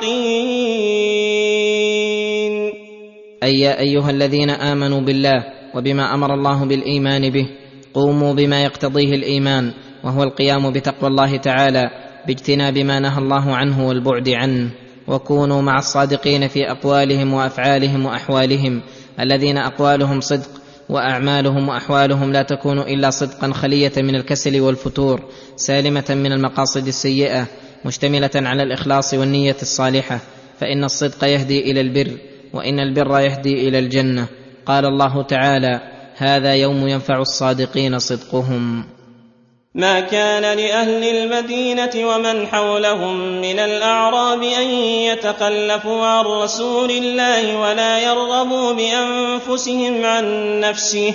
ذلك بأنهم لا يصيبهم ظمأ ولا نصب ولا مخنصة في سبيل الله ولا يطؤون موطئا. ولا يطؤون موطئا يغيظ الكفار ولا ينالون من عدو نيلا إلا كتب لهم به عمل صالح إن الله لا يضيع أجر المحسنين. يقول تعالى حاثا لأهل المدينة المنوره من المهاجرين والأنصار ومن حوله من الأعراب الذين أسلموا فحسن إسلامهم. ما كان لأهل المدينة ومن حولهم من الأعراب. أن يتخلفوا عن رسول الله أي ما ينبغي لهم ذلك ولا يليق بأحوالهم ولا يرغبوا بأنفسهم في بقائها وراحتها وسكونها عن نفسه الكريمة الزكية بل النبي صلى الله عليه وسلم أولى بالمؤمنين من أنفسهم فعلى كل مسلم أن يفدي النبي صلى الله عليه وسلم بنفسه ويقدمه عليها. فعلامة تعظيم الرسول صلى الله عليه وسلم ومحبته والإيمان التام به ألا يتخلفوا عنه ثم ذكر الثواب الحامل على الخروج فقال ذلك بأنهم أي المجاهدين في سبيل الله لا يصيبهم ظمأ ولا نصب أي تعب ومشقة ولا مخمصة في سبيل الله أي مجاعة ولا يطؤون موطئا يغيظ الكفار من الخوض لديارهم والاستيلاء على أوطانهم ولا ينالون من عدو نيلا كالظفر بجيش أو سرية أو الغنيمة لمال إلا كتب لهم به عمل صالح. لأن هذه آثار ناشئة عن أعمالهم. إن الله لا يضيع أجر المحسنين الذين أحسنوا في مبادرتهم إلى أمر الله وقيامهم بما عليه من حقه وحق خلقه. فهذه الأعمال آثار من آثار عملهم. ثم قال ولا ينفقون نفقة صغيرة ولا كبيرة ولا يقطعون واديا إلا كتب لهم ولا يقطعون واديا إلا كتب لهم ليجزيهم الله أحسن ما كانوا يعملون. ولا ينفقون نفقة صغيرة ولا كبيرة ولا يقطعون واديا في ذهابهم إلى عدوهم إلا كتب لهم ليجزيهم الله أحسن ما كانوا يعملون. ومن ذلك هذه الأعمال إذا أخلصوا فيها لله ونصحوا فيها. ففي هذه الآيات أشد ترغيب وتشويق للنفوس إلى الخروج إلى الجهاد في سبيل الله والاحتساب لما يصيبهم فيه من المشقات وأن ذلك لهم رفعة درجات وأن الآثار المترتبة على عمل العبد له فيها أجر كبير. وما كان المؤمنون لينفروا كافة فلولا نفر من كل فرقة منهم طائفة ليتفقهوا في الدين ولينذروا قومهم إذا رجعوا إليهم لعلهم يحذرون. يقول تعالى منبها لعباده المؤمنين على ما ينبغي لهم وما كان المؤمنون لينفروا كافة أي جميعا لقتال عدوهم فإنه يحصل عليهم المشقة بذلك وتفوت به كثير من المصالح الأخرى فلولا نفر من كل فرقة منهم أي من البلدان والقبائل والأفخاذ طائفة تحصل بها الكفاية والمقصود لكان أولى. ثم نبه على أن في إقامة المقيمين منهم وعدم خروجهم مصالح لو خرجوا لفاتتهم. فقال ليتفقهوا أي القاعدون في الدين ولينذروا قومهم إذا رجعوا إليهم أي ليتعلموا العلم الشرعي ويعلموا معانيه ويفقهوا أسراره وليعلموا غيرهم. ولينذروا قومهم إذا رجعوا إليهم. ففي هذا فضيلة العلم وخصوصا الفقه في الدين وأنه أهم الأمور وأن من تعلم علما فعليه نشره وبثه في العباد ونصيحتهم فيه. فإن انتشار العلم عن العالم من بركته وأجره الذي ينمى له. وأما اقتصار العالم على نفسه وعدم دعوته إلى سبيل الله بالحكمة والموعظة الحسنة وترك تعليم الجهال ما لا يعلمون فأي منفعة حصلت للمسلمين منه؟ وأي نتيجة نتجت من علمه وغايته أن يموت فيموت علمه وثمرته. وهذا غاية الحرمان لمن آتاه الله علما ومنحه فهما. وفي هذه الآية أيضا دليل وإرشاد وتنبيه لطيف لفائدة مهمة وهي أن المسلمين ينبغي لهم أن يعدوا لكل مصلحة من مصالحهم العامة من يقوم بها ويوفر وقته عليها ويجتهد فيها ولا يلتفت إلى غيرها لتقوم مصالحهم وتتم منافعهم.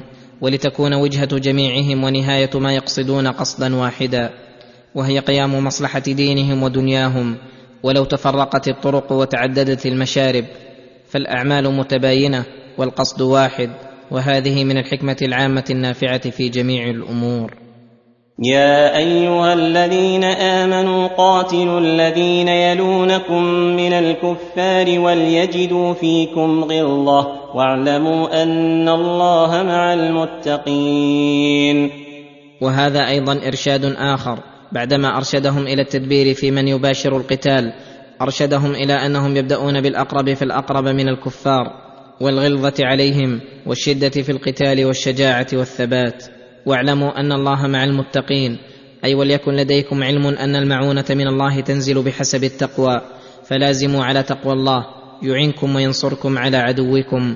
وهذا العموم في قوله قاتلوا الذين يلونكم من الكفار مخصوص بما إذا كانت المصلحة في قتال غير الذين يلوننا وأنواع المصالح كثيرة جدا. واذا ما انزلت سوره فمنهم من يقول ايكم زادته هذه ايمانا فاما الذين امنوا فزادتهم ايمانا وهم يستبشرون يقول تعالى مبينا حال المنافقين وحال المؤمنين عند نزول القرآن وتفاوت ما بين الفريقين فقال وإذا ما أنزلت سورة فيها الأمر والنهي والخبر عن نفسه الكريمة وعن الأمور الغائبة والحث على الجهاد فمنهم من يقول أيكم زادته هذه إيمانا؟ أي حصل الاستفهام لمن حصل له الإيمان بها من الطائفتين؟ قال تعالى مبينا الحال الواقعة فأما الذين آمنوا فزادتهم إيمانا بالعلم بها وفهمها واعتقادها والعمل بها والرغبة في فعل الخير والانكفاف عن فعل الشر وهم يستبشرون اي يبشر بعضهم بعضا بما من الله عليهم من آياته والتوفيق لفهمها والعمل بها وهذا دال على انشراح صدورهم لآيات الله وطمأنينة قلوبهم وسرعة انقيادهم لما تحثهم عليه. وأما الذين في قلوبهم مرض فزادتهم رجسا إلى رجسهم وماتوا وهم كافرون. وأما الذين في قلوبهم مرض أي شك ونفاق فزادتهم رجسا إلى رجسهم أي مرضا إلى مرضهم وشكا إلى شكهم من حيث إنهم كفروا بها وعاندوها وأعرضوا عنها فازداد لذلك مرضهم وترامى بهم إلى الهلاك والطبع على قلوبهم حتى ماتوا وهم كافرون. وهذا عقوبة لهم لأنهم كفروا بآيات الله وعصوا رسوله فأعقبهم نفاقا في قلوبهم إلى يوم يلقونه. قال تعالى موبخا لهم على اقامتهم على ما هم عليه من الكفر والنفاق أولا يرون أنهم يفتنون في كل عام مرة أو مرتين ثم لا يتوبون ولا هم يذكرون أولا يرون أنهم يفتنون في كل عام مرة أو مرتين بما يصيبهم من البلايا والأمراض وبما يبتلون من الأوامر الإلهية التي يراد بها اختبارهم ثم لا يتوبون عما هم عليه من الشر ولا هم يذكرون ما ينفعهم فيفعلونه وما يضرهم فيتركونه. فالله تعالى يبتليهم كما هي سنته في سائر الأمم بالسراء والضراء وبالأوامر والنواهي ليرجعوا إليه ثم لا يتوبون ولا هم يذكرون. وفي هذه الآيات دليل على أن الإيمان يزيد وينقص وأنه ينبغي للمؤمن أن يتفقد إيمانه ويتعاهده فيجدده وينميه. ليكون دائما في صعود وقوله واذا ما انزلت سوره نظر بعضهم إلى بعض هل يراكم من احد ثم انصرفوا صرف الله قلوبهم بانهم قوم لا يفقهون يعني أن المنافقين الذين يحذرون أن تنزل عليهم سورة تنبئهم بما في قلوبهم إذا نزلت سورة ليؤمنوا بها ويعملوا بمضمونها نظر بعضهم إلى بعض جازمين على ترك العمل بها ينتظرون الفرصة في الاختفاء عن أعين المؤمنين ويقولون هل يراكم من أحد؟ ثم انصرفوا متسللين وانقلبوا معرضين فجزاهم الله بعقوبة من جنس عملهم فكما انصرفوا عن العمل صرف الله قلوبهم أي صدها عن الحق وخذلها بأنهم قوم لا يفقهون فقها ينفعهم فإنهم لو فقهوا لكانوا إذا نزلت سورة آمنوا بها وانقادوا لأمرها. والمقصود من هذا بيان شدة نفورهم عن الجهاد وغيره من شرائع الإيمان كما قال الله تعالى عنهم فإذا أنزلت سورة محكمة وذكر فيها القتال رأيت الذين في قلوبهم مرض ينظرون إليك نظر المغشي عليه من الموت. لقد جاءكم رسول من أنفسكم عزيز عليه ما عنتم عزيز عليه ما عنتم حريص عليكم بالمؤمنين رءوف رحيم. يمتن تعالى على عباده المؤمنين بما بعث فيهم النبي الأمي الذي من أنفسهم يعرفون حاله ويتمكنون من الأخذ عنه ولا يأنفون عن الانقياد له وهو صلى الله عليه وسلم في غاية النصح لهم والسعي في مصالحهم. عزيز عليه ما عنتم اي يشق عليه الأمر الذي يشق عليكم ويعنتكم. حريص عليكم فيحب لكم الخير ويسعى جهده في إيصاله إليكم ويحرص على هدايتكم إلى الإيمان ويكره لكم الشر ويسعى جهده في تنفيركم عنه. بالمؤمنين رؤوف رحيم أي شديد الرأفة والرحمة بهم أرحم بهم من والديهم. ولهذا كان حقه مقدما على سائر حقوق الخلق وواجب على الأمة الإيمان به وتعظيمه وتعزيره وتوقيره فإن آمنوا فذلك حظهم وتوفيقهم. فإن تولوا فقل حسبي الله لا إله إلا هو عليه توكلت وهو رب العرش العظيم. وإن تولوا عن الإيمان والعمل فامض على سبيلك ولا تزل في دعوتك وقل حسبي الله أي الله كافي في جميع ما أهمني لا إله إلا هو أي لا معبود بحق سواه. عليه توكلت أي اعتمدت ووثقت به في جلب ما ينفع ودفع ما يضر. وهو رب العرش العظيم الذي هو أعظم المخلوقات. وإذا كان رب العرش العظيم الذي وسع المخلوقات كان ربا لما دونه من باب أولى وأحرى.